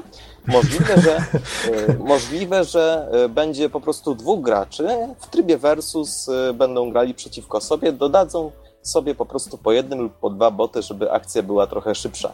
Mhm. Zauważyłem, że własny bot ma duże tendencje do rozwalania własnej bazy. Co takiego? tak, tak to się dzieje i, i po prostu to jest jeden problem. Drugi problem, kiedy jedna z drużyn wygra, to gra nie podaje nawet, która drużyna wygrała mecz. Po prostu jakby nie ma komunikatu blue win, red win. Po prostu nie ma tego. Y, I to jest, to są poważne problemy w mojej ocenie. Mhm. Ja, jeżeli już tutaj wymieniamy właśnie jakieś takie problemy, ja mogę jeden bug, jaki znalazłem, wymienić. Mianowicie, jak się próbuje włączyć w opcjach tryb pełnoekranowy lub odwrotnie, to gra wywalała się z błędem. Po uruchomieniu jej ponownie już wszystko wracało do normy. Tak, a niby drobnostka nie przeszkadzająca w zabawie, ale to jak, jak, już tak sypiemy, to, to wszystko. Dobrze. Nie wiem, pa, panowie, wy, ja słuchajcie... mam jeszcze jeden, jeden dosyć istotny problem. Tak. E, wiem, że tutaj trochę się rozgadujemy, ale no są pewne rzeczy, które, e, które w tej grze, o tej, o tej grze trzeba powiedzieć po prostu są rażące. Konkretniej e, interfejs, e, no właśnie, samo, samo menu może jeszcze, ten pierwszy ekran jest całkiem w porządku, chociaż napisy są strasznie duże. Ale na przykład menu wyboru poziomów, menu wyboru trybów, czy sam interfejs, który towarzyszy nam w czasie rozgrywki. Zauważyłem, że on jest strasznie duży i to ma sens, jeśli weźmiemy pod uwagę, że gra będzie wydana także na na jakieś mobilne platformy, to wtedy faktycznie się zgadza. Natomiast y, na, na, czym ja się chciałem? Ja wiem, że ja noszę okulary, ale ja naprawdę nie potrzebuję takich dużych liter. Y, w sensie dużo, duże napisy są porozwalane praktycznie na całej wysokości ekranu. Mało tego, żaden z nich nie jest w jakiś żaden sposób wyróżniony E, za pomocą jakiegoś bardziej soczystego koloru, czy po prostu jaśniejszej barwy. E, myślę, że tutaj akurat z tym kolorem może być różnie, bo na przykład ja dopiero na stronie internetowej gry, pomijam tutaj fakt, że kontrola jest tylko na stronie wyjaśniona, więc ja tutaj szukałem jakby trochę pomocy, e, ale tylko na stronie dowiedziałem się, ile trybów ma tryb versus. Wracam do gry, patrzę, jak to możliwe. Ja myślałem, że jest jeden. A, czyli ten czerwony nagłówek, on nie informuje mnie o tym, że to jest tryb versus. Przyznaję się, trochę nie zauważyłem. Ale tam obok była strzałeczka i to niby takie oczywiste, ale wiecie, takie tak zwane fokus testy, na zasadzie, że dajesz swoją grę komuś innemu, żeby i, obserwujesz tak bez słowa, co on robi, są po prostu nieocenione w takich sytuacjach, bo ty wtedy widzisz, jak coś, co dla ciebie jest oczywiste, nagle dla kogoś innego okazuje się nie do zauważenia albo. No właśnie, i do czego zmierzam, bo y, tutaj oczywiście y, na przykład w czasie rozgrywki mamy różne elementy interfejsu, które są delikatnie innymi kolorami, jakieś na czerwono, na biało i tak dalej, ale na dobrą sprawę, kiedy patrzysz na to, a nie masz czasu na patrzenie na to, bo masz 4 sekundy do przegranej od pierwszego poziomu, to nie wiesz, co jest najważniejsze. Nie wiesz, gdzie zawiesić wzrok na tym interfejsie. I to jest bardzo poważne, bo bardzo poważna wada. Ja na dobrą sprawę w ogóle z niego nie korzystałem, w ogóle na, na niego nie patrzyłem. Po pierwsze, dlatego, że nie wiedziałem gdzie, a po drugie, stwierdziłem, że na dobrą sprawę tak nie mam na to czasu. Więc, y, więc tutaj jest poważny problem. E, w samej rozgrywce, e, w menu problem ten wychodzi, kiedy na przykład wybiera się poziomy e, i tryby. E, no i tutaj po prostu nie do końca wiadomo, gdzie kliknąć, nie, wiadomo, nie do końca wiadomo, co jest takim ekranem, który nam przedstawia coś, a, a co, jest, co jest ważnym przyciskiem. Więc, więc wydaje mi się, że powinno się trochę oczyścić i uczytelnić te menu. To jest dosyć poważny problem, bo sam powiedziałeś, że po godzinie dopiero się zorientowałeś, że gdzieś tam są jakieś rozkazy, więc y, no to jakby samo w sobie o, o czymś świadczy. No dobrze, panowie, myślę, że już powinniśmy kończyć, więc mhm. powiedzcie mi, e, tutaj oczywiście myślę, że warto nadmienić, że twórcy sami zgłosili się po naszą opinię, więc tutaj oczywiście e, szacunek za odwagę. No tutaj oczywiście ma, mamy nadzieję, że nasz że nasze opinie tutaj, te, te wszystkie błędy, które żeśmy wymienili, że one się przydadzą, żeby faktycznie albo tę grę usprawnić, albo żeby twórcy mogli w przyszłości zwracać uwagę właśnie na, na wspomniane rzeczy. No i właśnie, panowie, to powiedziawszy, przejdźmy do jakiegoś podsumowania. Czy The Tankers polecilibyście faktycznie fanom tanków starych?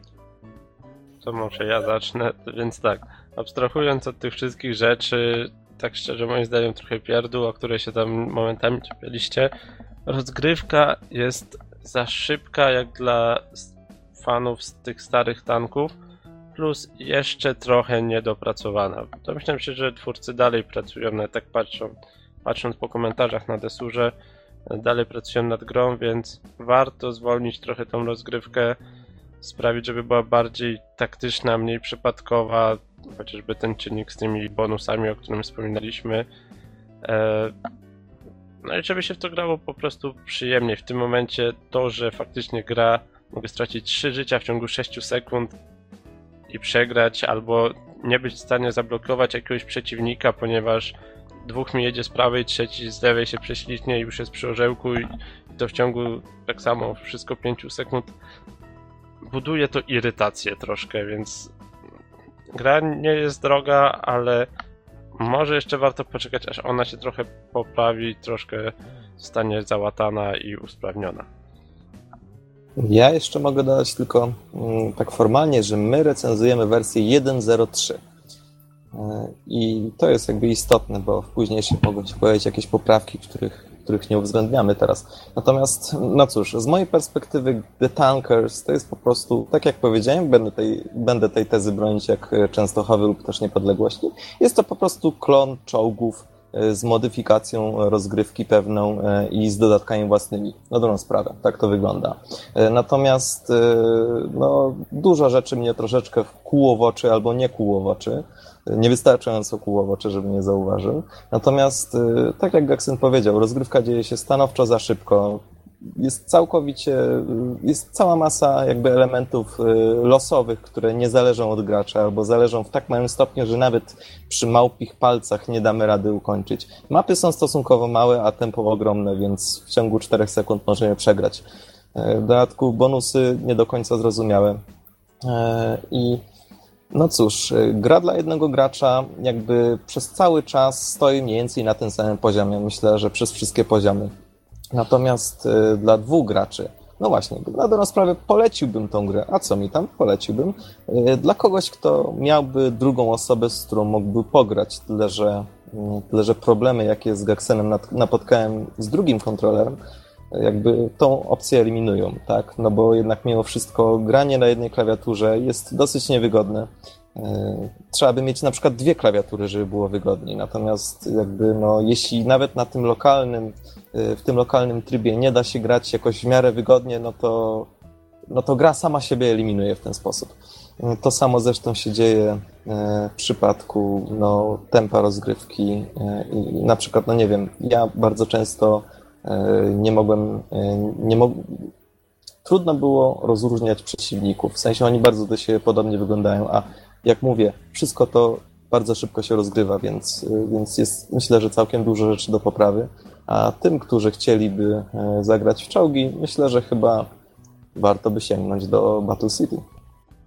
Mhm. To ja tutaj może tak troszeczkę zaczerpnę i od Norberta, i od Dona. Myślę, że tutaj wszystko już zostało powiedziane, ale wydaje mi się, że dla samego singla nie warto, ale jeżeli faktycznie macie jakąś drugą osobę, kolegę, brata na przykład, który też pamięta tanki i chciałby z wami w to zagrać, to y, koop albo versus nawet rokują całkiem nieźle, tylko że tutaj, tak jak zostało powiedziane, jest tu co poprawiać przede wszystkim w singlu jakaś krzywa uczenia, coś, co dawałoby nam poczucie, że gra się rozwija, że nie jest cały czas taka sama, że się robi od prostszej na przykład do trudniejszej, że jakoś to wyzwanie rośnie. A właśnie cała reszta tutaj związana z tym, z tą czytelnością ikonek, z tym właśnie y, sprawieniem, że na przykład już w menu głównym będzie wielka opcja y, how to play, która by tłumaczyła właśnie podstawy. Myślę, że to, to jest coś, co jest całkiem miłym dodatkiem w niektórych dzisiejszych grach i to też tu powinno się znaleźć. Znaczy właśnie Noxu źle trochę mówisz, dlatego że how to play stricte jest. Jest opis każdego trybu, ale że on no jest widzisz, bardzo no nieczytelny.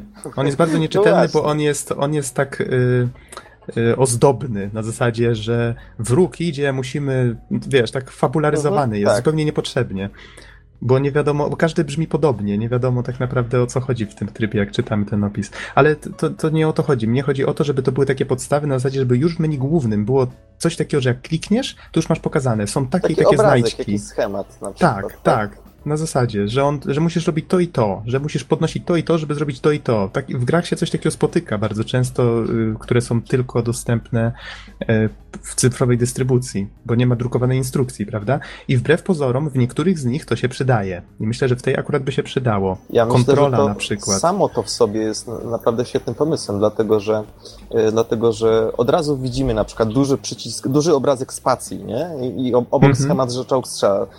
Człowiek jest generalnie wzrokowcem. Tak, tak, dokładnie. I, I w ten sposób bardzo szybko można by sobie przyswoić dodatkowe rzeczy. Ja na przykład nie sprawdzałem kontroli e, na stronie twórców i za cholerę nie wiem, jak używać tych bonusów e, mina, rakieta i tak A- dalej. a Ja ja klikałem na nie sprawdziłem. myszą. A ja sprawdziłem, musisz zero nacisnąć. Ze- Zero, zero i zero chyba albo G. No nie wiem, ja sobie trzymałem P i zero, P i zero. Jeden Nie. do podstawowego trybu, a drugi do drugiego. A drugi gracz co? miał Q i jeden. Wiesz co, e, to jest No. jedna z mniej czytelnych opcji, dlatego że ja próbowałem spacji, Ctrl, Z, X, C, jakby wszystkie najbardziej też, ja typowe. też. I, to jest kolejna wada wychodzi no, w tym momencie. No dobrze, ale to w takim razie, tak, żeby kończąc moje podsumowanie, jeżeli by rozwiązać problem z padami, yy, w sensie, żeby już nie było problemu z podłączeniem padów i faktycznie może ten multiplayer przez internet yy, dodać, to faktycznie może znalazłyby się osoby, które z chęcią by w coś takiego pograły, ale Ja myślę, że- jeżeli, jeżeli miałbym Mhm. coś doradzić, wydaje mi się, że warto pomyśleć nad tym, żeby tę grę dało się uruchomić w przeglądarkach. Czyli żeby ona była dostępna przez stronę na przykład, że klikasz, y, masz ją kupioną, więc masz do niej dostęp i tam na przykład masz od razu listę osób, które w danym momencie y, chcą grać na przykład, czyli takie lobby. I to by było, myślę, całkiem mile widziane. Nie musiałbyś mieć tej gry na kompie, mógłbyś po prostu Mhm. sobie w przeglądarce kliknąć. Ludzie lubią takie wygodne rozwiązania. Wydaje mi się, że to mogłoby się sprawdzić w tym przypadku. Po delikatnych modyfikacjach, myślę, że zmniejszeniu tempa i nawet zwiększeniu map, to mogła być, mogłaby być nawet całkiem przyjemna gra e, w wielu różnych trybach. Na przykład, nie wiem, tam zdobyć flagę, deathmatch, team deathmatch i tak dalej. To mogłoby być naprawdę ciekawe. Aczkolwiek powiem szczerze, że mnie zastanowił jeszcze, jeden, jed, jeszcze jedna rzecz. Otóż e, Mhm. w oryginale, tak to roboczo ujmijmy, w dużym cudzysłowie, broniliśmy orzełka. Tutaj bronimy ikony The Tankers. Czyżby gra chciała zniszczyć się sama? A wiesz, ja się zastanawiałem, co znaczy to TT, to właśnie, że się odpowiedział na moje To, to jest wątpliwości. ikona The Tankers. Okej, okej, to, to teraz już rozumiem, czego broniłem. Tak się zastanawiałem, czemu tu nie ma orzełka. No dobra, panowie, bo mamy jeszcze jedną recenzję. E, Też chciałbym się zmieścić z nią w sumie.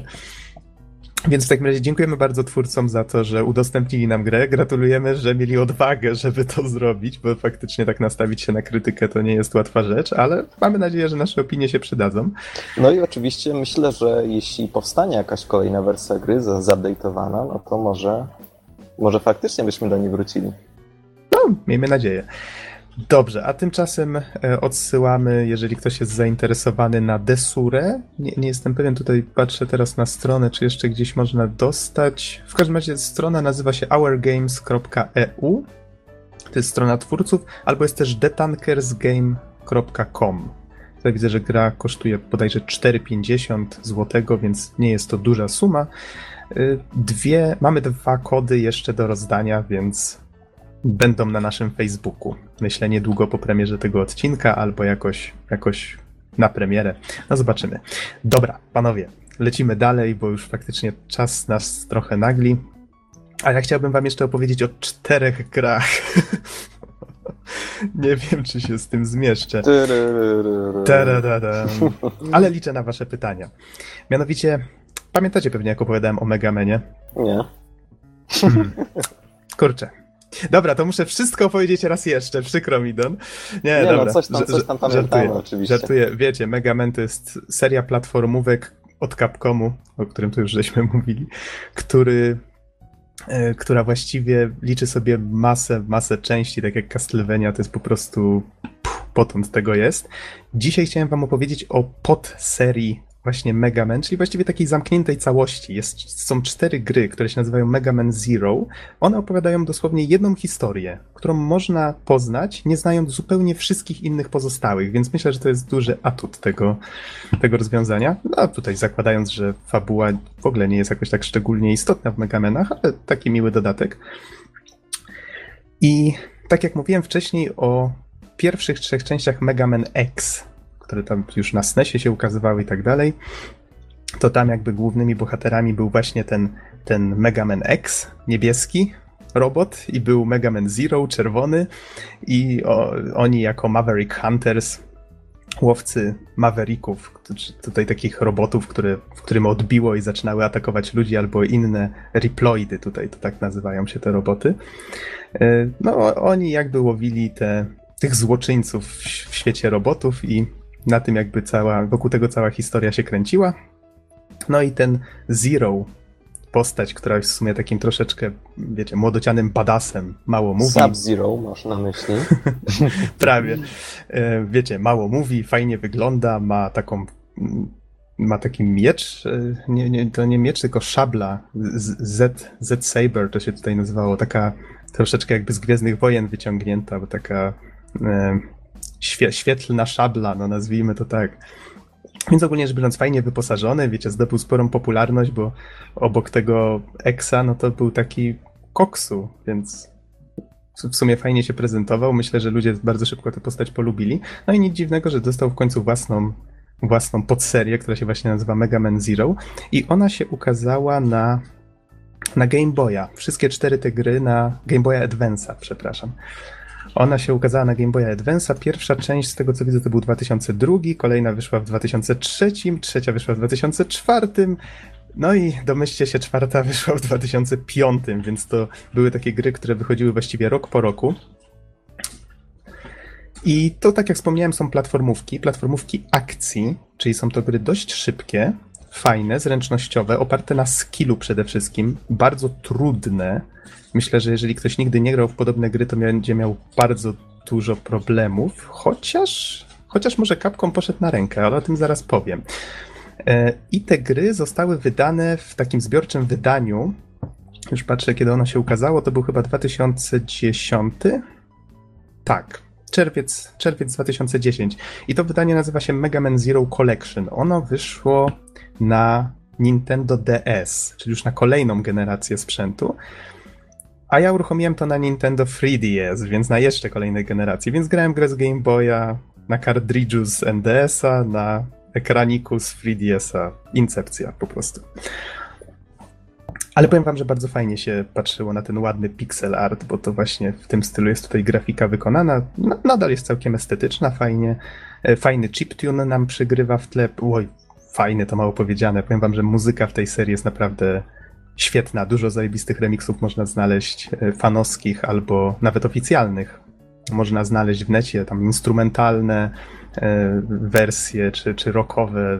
Jest tego masa. Naprawdę bardzo fajnie się tej gry słucha.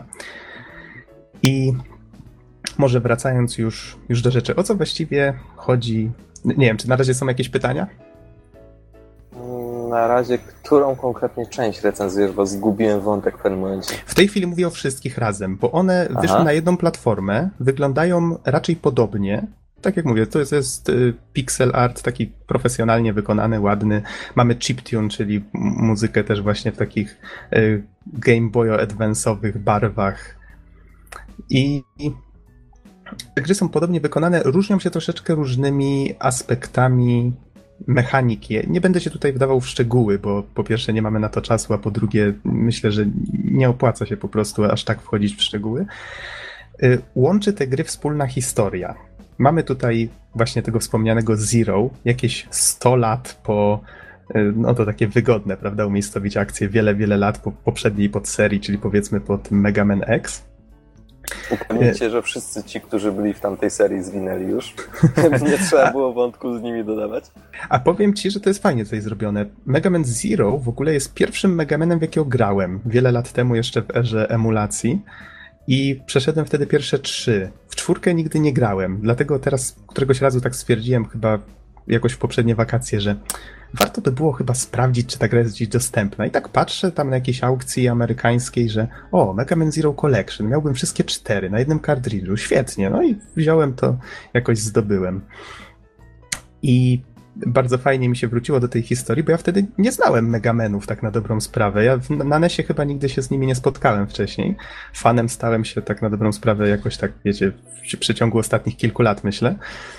I, i tutaj nie przeszkadza to zupełnie, że się nie zna poprzednich części. Mamy tutaj Zero, który w jakiejś takiej świątyni, znaczy świątyni, właściwie starym, zrujnowanym laboratorium, zostaje odnaleziony przez e, ruch oporu, nazwijmy to tak zostaje e, odnaleziony e, śpiący od powiedzmy 100 lat, zostaje wybudzony, ratuje Ciel, czyli tutaj taką e, kobietę, która przewodzi właśnie Riploidom w tym ruchu oporu, ratuje ją z opresji. To jest ta blondynka? Tak, to jest ta blondynka. E, ona tam specjalnie przybywa właśnie, bo wierzy, że znajdzie tego legendarnego Zero, który gdzieś tam śpi właśnie w jakimś zrujnowanym laboratorium. Ona go odnajduje. No i w tej chwili on się staje jedyną nadzieją na to, że coś się zmieni w tej walce. A w walce chodzi o to, że cały świat jest właściwie po jakiejś wielkiej wojnie praktycznie zrujnowany. Ludzie żyją w mieście, które się nazywa Neo Arcadia, i w tym mieście właściwie żyli sobie spokojnie z Riploidami do momentu, aż się pojawił kryzys energetyczny. Tutaj opowiadam troszeczkę takie rzeczy, które ktoś zaczynają grać w jedynkę nie wie, bo on się ich dowiaduje jakby w połowie gry, czy nawet trochę później, ale troszeczkę muszę tutaj y, powiedzieć tych szczegółów, żeby jakby zainteresować was wszystkimi czterema grami, a nie tylko jedną, prawda? No, pojawił się kryzys energetyczny, no i ludzie w pewnym momencie, ze względu na to, że te Riploidy potrzebują energii, żeby egzystować, no to pojawił się tu konflikt między nimi. I władze tej Neo Arcady stwierdziły, że, że Riploidy od tej pory no, będą gnębione, czy w ogóle wypędzone z, właśnie z miasta. I tak się zaczął jakby cały ten konflikt, w którym tutaj Zero ma pomóc. I tutaj taki wątek, który łączy właśnie, bo tutaj się fani na pewno y, jak, jak właśnie zastanawiają się pewnie, gdzie tu się wziął X, ten Mega Man X, ten niebieski w całej tej historii. No i tu właśnie okazuje się, że to on stoi na czele tej całej Neo Arcade, jest tam władcą i tu myślę, że tu myślę, że mógłbym poprzestać. Y, tu już myślę, że każdy, kto będzie zainteresowany recenzją, sam powinien sprawdzić na przykład, jak ten X właściwie, no bo tutaj Zero, prawda, w tym zrujnowanym laboratorium, a X tam sobie gdzieś y, sprawuje rządy. Jak to się stało? Dlaczego nagle X stał się tutaj jakimś takim czarnym charakterem, jakby na to no nie jak patrzeć? to co, no łapówki, kupione głosy. No już, no. Znamy to na co dzień. Capcom, Capcom zepsuje każdego, nie? No i no i właśnie, mamy tutaj wątek walki o. Znaczy, on nie ciągnie się przez wszystkie te cztery części, co prawda, chociaż powraca tutaj ten wątek Neo Arcade jako tego głównego przeciwnika, chociaż też może takiego niejednoznacznego, nie ma tutaj tak, tak jasno określonej bieli i czerni, ale mamy tutaj ten wątek, że Zero musi w jakiś sposób pomóc pomóc rozwiązać te, te problemy tego świata, w którym się obudził. No i on przy okazji oczywiście nie pamięta przeszłości, co przy okazji pomaga nam tutaj się troszeczkę e, wczuć w jego rolę na zasadzie, że jeżeli nie znamy poprzednich części, spokojnie Zero też ich nie pamięta, więc wszystko gra. No i tak jak zwykle w tej serii mamy, mamy misje, które się dzieją w różnych fajnych lokacjach. Bardzo często są to mechaniczne lokacje. Nawet jeżeli mamy tutaj las, no to widzimy, że drzewa są jakieś takie elektroniczne z lampkami, coś tam świeci. Czyli właściwie jest to taki świat, w którym maszyny w pewnym sensie stały się częścią ekosystemu. Y, lokacje bardzo często są umiejscowione na jakichś takich bardzo efektownych miejscach, jak pędzący pociąg. Mamy walkę z bossem, na przykład y, skaczemy między dwoma pociągami. Mamy na przykład wielkie wiertło, które wkręca się w dno oceanu, żeby tam dotrzeć do jądra Ziemi i musimy na przykład się dostać do środka tego wiertła i je zniszczyć. Mamy na przykład y, taką fajną misję, w której musimy się dostać na lecący na jakiś samolot, czy jakiś właśnie taki pojazd latający i najpierw skaczemy po mniejszych samolocikach, żeby się do niego dostać, potem się dostajemy do środka w jakiś sposób, y, powiedzmy robimy tam to, co mamy zrobić, ten pojazd się rozbija i na przykład jakaś kolejna misja y, dzieje się już na zgliszczach tego, tego samolotu, który się tam rozbił wcześniej. Więc mamy tutaj bardzo fajne miejscówki, bardzo fajnie zaprojektowane.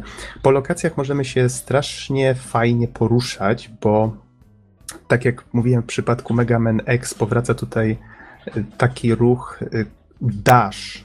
Nie wiem, jak to na polski przełożyć. Jest to takie szybkie wysunięcie się do przodu. Coś jak rzucenie się do przodu, tylko że wygląda troszeczkę efektowniej. Możemy też ślizgać się po ścianach, czyli jeżeli wskoczymy na ścianę, postać się tak powoli jakby trzyma jedną ręką i ześlizguje. Możemy skakać po tych ścianach właściwie też, bo wykorzystywać to, żeby ślizgać się, skoczyć trochę wyżej, ślizgać się dalej i skakać, skakać, skakać, czyli właściwie skakujemy po ścianach jak książę Persji, robimy te dasze na lewo i prawo, y, poruszamy się szybko, zwinnie, możemy unikać pocisków i, i właściwie jak na platformówkę, to to wszystko sprawuje się naprawdę bardzo, bardzo efektownie, bardzo dynamicznie wręcz bym powiedział. Mamy tutaj takie bronie jak, jak na przykład pistolet, czy właśnie tą, e, tą szablę, o której wspomniałem, energetyczną i to bardzo fajnie jeszcze twórcy podkreślili, na przykład jeżeli kogoś przeciachniemy tą szablą, to te sprajty przeciwników tak jakby widać, że zostały czymś przecięte i to bardzo fajnie się graficznie przy okazji tutaj bardzo fajnie wygląda. Y, I a tutaj widzę, Don sygnalizujesz, że powoli musisz lecieć, tak? Czy żegnasz się już, czy jeszcze nie? Myślę, że myślę, że już chyba muszę uciekać. Aha, dobrze. To w takim razie dzięki Don za, za wypowiedzi. Ja tutaj z Norbertem jakoś już chyba podołam. O, szkoda, że nie mogę dotrzymać do końca tej recenzji. No, w zasadzie całość wygląda na porządną platformówkę, zresztą jak wszystkie Megameny, co tutaj się dużo rozwodzić. No tak, tak, tak w sumie można by to tak w sumie można by to podsumować, ale to myślę, że jeszcze tutaj dodam parę szczegółów. No to Dobra, dzięki w takim to... razie, Don. No właśnie, no to będę się z wami żegnał. Dzięki za podcast. Dobra, trzymaj dzięki się. Dzięki też za wysłuchanie. No i oczywiście jeszcze raz dzięki za podesłanie tej gry do Our Games. No, było to naprawdę dosyć ciekawe doświadczenie, zwłaszcza, że zazwyczaj e, no, nie dostajemy gier do recenzji. To był to chyba taki pierwszy, pierwszy przypadek, w którym tak się zdarzyło. No dobra, no to mhm. w takim razie trzymajcie się. No, cześć, cześć. No, Dobrze, mm, tutaj wracając właśnie do, do Mega Mana Zero, czyli mamy tutaj właśnie różne bronie, tu na przestrzeni tych czterech gier to właściwie się zmienia, czyli ma, mamy zawsze ten pistolet i mamy tą szablę, ale na przykład w niektórych grach mamy jeszcze coś w rodzaju takiego nie wiem jak to nazwać, łańcucha zakończonego takim ostrym końcem. Możemy go na przykład wbić w sufit i się jak na, jak Indiana Jones na przykład przedostać gdzieś na drugi koniec pomieszczenia. Y, są też, pamiętam jakaś włócznia, była też tarcza, którą można było rzucić, jak Kapitan Ameryka. Ogólnie było kilka takich broni i one się albo pojawiają w niektórych częściach, albo nie. Y, w czwórce na przykład dano nam zamiast tych broni rękawice, która umożliwia nam zabieranie broni przeciwnikom. W sumie taki dodatek, który nie, nie, nie wiem, jakoś nieszczególnie mnie do siebie zachęcił, więc z niego niezbyt korzystałem, chociaż pewnie niesłusznie. Pewnie gra była przez to trudniejsza. Y w niektórych częściach na przykład można te bronie levelować, chyba w jedynce tak to wyglądało.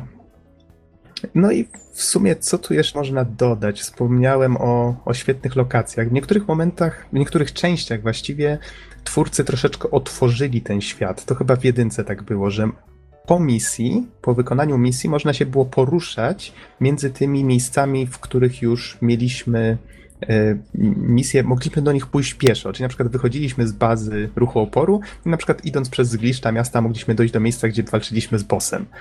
No, to w sumie taki dodatek, który nie był tu zbyt potrzebny, twórcy chyba też to zauważyli, w kolejnych częściach ograniczyli się do tego, że mamy bazę, z której się teleportujemy na misję, w tej bazie mamy NP, e, NPC, z którymi możemy rozmawiać, czyli te postacie niezależne.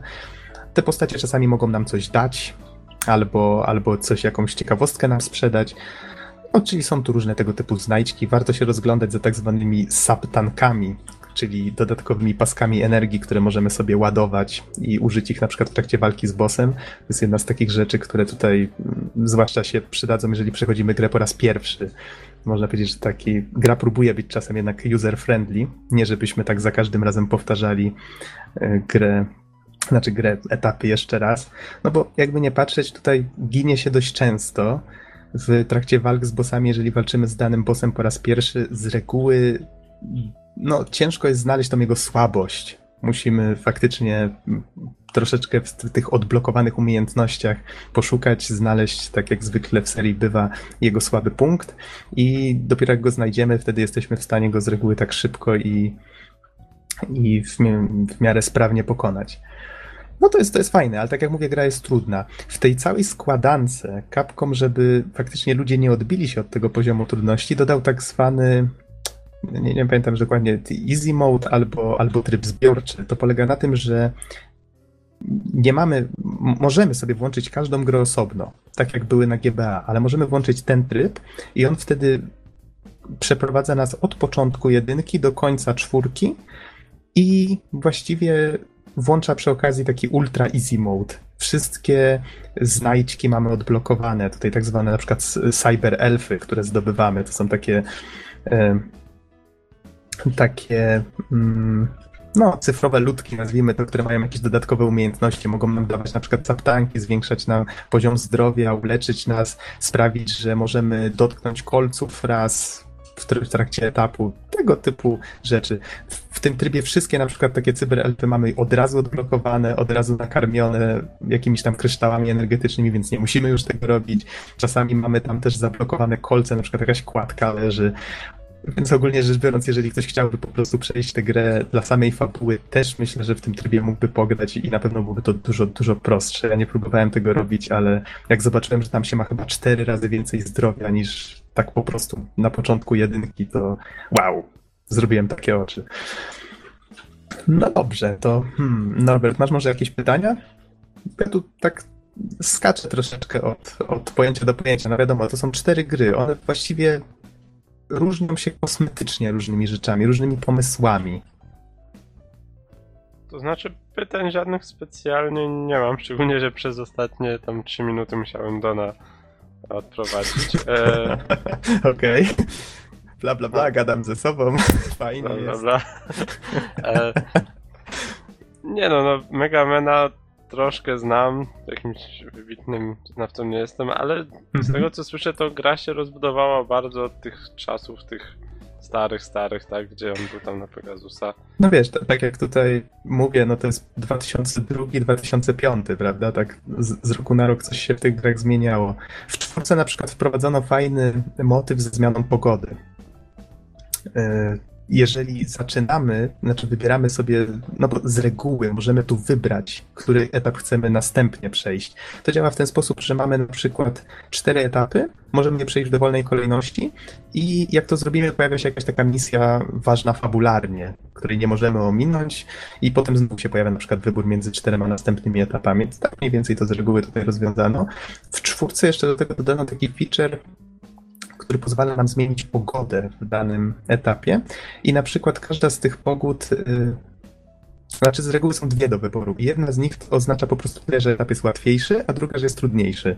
Na przykład gdzieś jak spadnie śnieg, no to wtedy zakryje kolce. Albo, albo na przykład jak gdzieś świeci słońce, to ładuje jakiś laser, który bez przerwy tam pół etapu niszczy, a my się musimy chować w tym czasie. Więc są różne tego typu fajne tutaj pomysły. Bosowie są na przykład trudniejsi wtedy, jak ta pogoda jest odpowiednia. Gra nagradza nas też za sprawną, za sprawną no, grę, jakby na to nie patrzeć, czyli dostajemy tutaj rang, rangi na końcu każdego etapu, jesteśmy oceniani, jak szybko żeśmy go przeszli, jak dużo zdrowia żeśmy stracili, ile cyberelfów żeśmy użyli, bo to też jest tutaj jakby uznawane za zbytnie ułatwianie. I, i właściwie bardzo często zdarzało mi się, że na przykład gra nazywała mnie Sluggish Warrior, czyli powolny, po, powolny wojownik, mimo że przeszedłem etap na przykład w 5 minut. Czemu tak? No po prostu, bo się okazuje, że na przykład możesz go przejść powiedzmy w minutę albo dwie, jak się pośpieszysz i wiesz, jak to zrobić, nie? Więc jeżeli ktoś chce bardzo szybko y, przejść tę grę, no to cóż, będzie miał problem, bo jest trudna. Ale jeżeli będzie chciał na przykład ją masterować już po przejściu, przechodzić kolejny raz, kolejny raz, no to w pewnym momencie może uda mu się uzyskać te S, rangę S we wszystkich etapach, odblokować jakieś dodatkowe minigierki, bo tam czytałem w niektórych z tych gier też jest coś takiego do odblokowania. No, to, to są takie fajne, miłe smaczki, które myślę każdego ucieszą, kto chciałby z tymi grami spędzić trochę więcej czasu. Ja tak na każdą z nich poświęciłem, bo ja wiem, 4 godziny może, więc tak myślę, że łącznie to chyba tak się zebrało na jakieś 20 godzin na wszystkie te cztery gry. Może troszkę mniej. Ale bardzo dobrze się bawiłem. Myślę, że fajnie mieć coś takiego w kolekcji, bo to jest zawsze taka gra, do której miło się wraca. Ona jest oparta czysto na skillu. Jak się już zna te etapy, to jeszcze tym bardziej czasami człowiek tak chce sobie pokombinować. E, może spróbować przejść etap jakoś szybciej, albo, albo sprawniej, albo nie tracąc na przykład energii na danym bosie. Myślę, że to jest tutaj tutaj bardzo fajne. No i tak jak wspomniałem, wszystkie te cztery gry opowiadają jedną historię, czyli właśnie to ten Zero kontra Neo Arcadia. I choć myślę, że trójka, tutaj zakończenie trójki jest tak epickie i fajne, że już mogły, twórcy mogliby na tym skończyć, to jednak czwórka tak fajnie domyka niektóre wątki i, i warto poznać wszystkie cztery, jeżeli kogoś ta historyjka zainteresuje. No i tak jak wspomniałem, muzyka, świetny chiptune, jest tu kilka takich kawałków, które warto sobie wyszukać na, na Google, jak chociażby Straight Ahead albo Cannonball.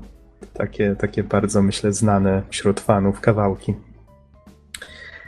No dobrze, czy ja o czymś tutaj jeszcze nie wspomniałem? Tak patrzę sobie tutaj na swoją ściągawkę. O broniach wspomniałem, o, o fajnych lokacjach, mm, o, o easy mode. A, no właściwie w czwórce można dodano krawcenie, ale myślę, że zrobiono to raczej tak na troszeczkę na odwal się, bo co prawda przeciwnicy dropią różnego rodzaju przedmioty, z których potem możemy wykrawcić na przykład e, jakiś mm, powiedzmy inną część tłowia albo inną część głowy, ale zrobili to w taki sposób, że właściwie kończąc tę grę nie wykrawciłem kompletnie nic, bo recepty, czyli w sensie e, przepisy na na daną część trzeba zgadywać i jak się to robi, to traci się części, które się przy okazji wykorzystało. Więc właściwie bez poradnika to jest tak trochę kompletnie bez sensu. No ale to taka troszeczkę dygresja, jakby taki dodatek. Myślę, że tam w, twórcy, w czwórce twórcy starali się troszeczkę rzeczy zmienić, tak jak wspomniałem, i ta zmiana pogody, i to krawcenie, i jeszcze zamiast tych różnych broni dodali właśnie tą możliwość ukradnięcia broni przeciwnikowi. Myślę, że nie wszystkie z tych pomysłów się sprawdziły, ale, ale w czwórkę tak czy owak warto zagrać, bo też jest taka fajna i troszeczkę unikatowa na swój własny sposób. No dobrze, jeżeli Norbert nie masz żadnych pytań, to myślę, że to myślę, że, że mo mogę po prostu skończyć mówiąc, że jak najbardziej polecam Mega Man Zero Collection. Jak ktoś szuka dobrej, solidnej platformówki, myślę takiej szybkiej, skupionej na akcji, na skillu, to jak najbardziej polecam. I myślę, że ze względu na to, że Dona już nie ma, Bizona nie ma, sami zostaliśmy, kurczę, co my tu będziemy robić, bieda. to chyba... Słucham? Może straszna bieda. straszna bieda. No. Nie ma. Kończyć trzeba w takim razie. Dziękujemy Wam bardzo za uwagę i do usłyszenia w następnym odcinku. Trzymajcie się. Na razie.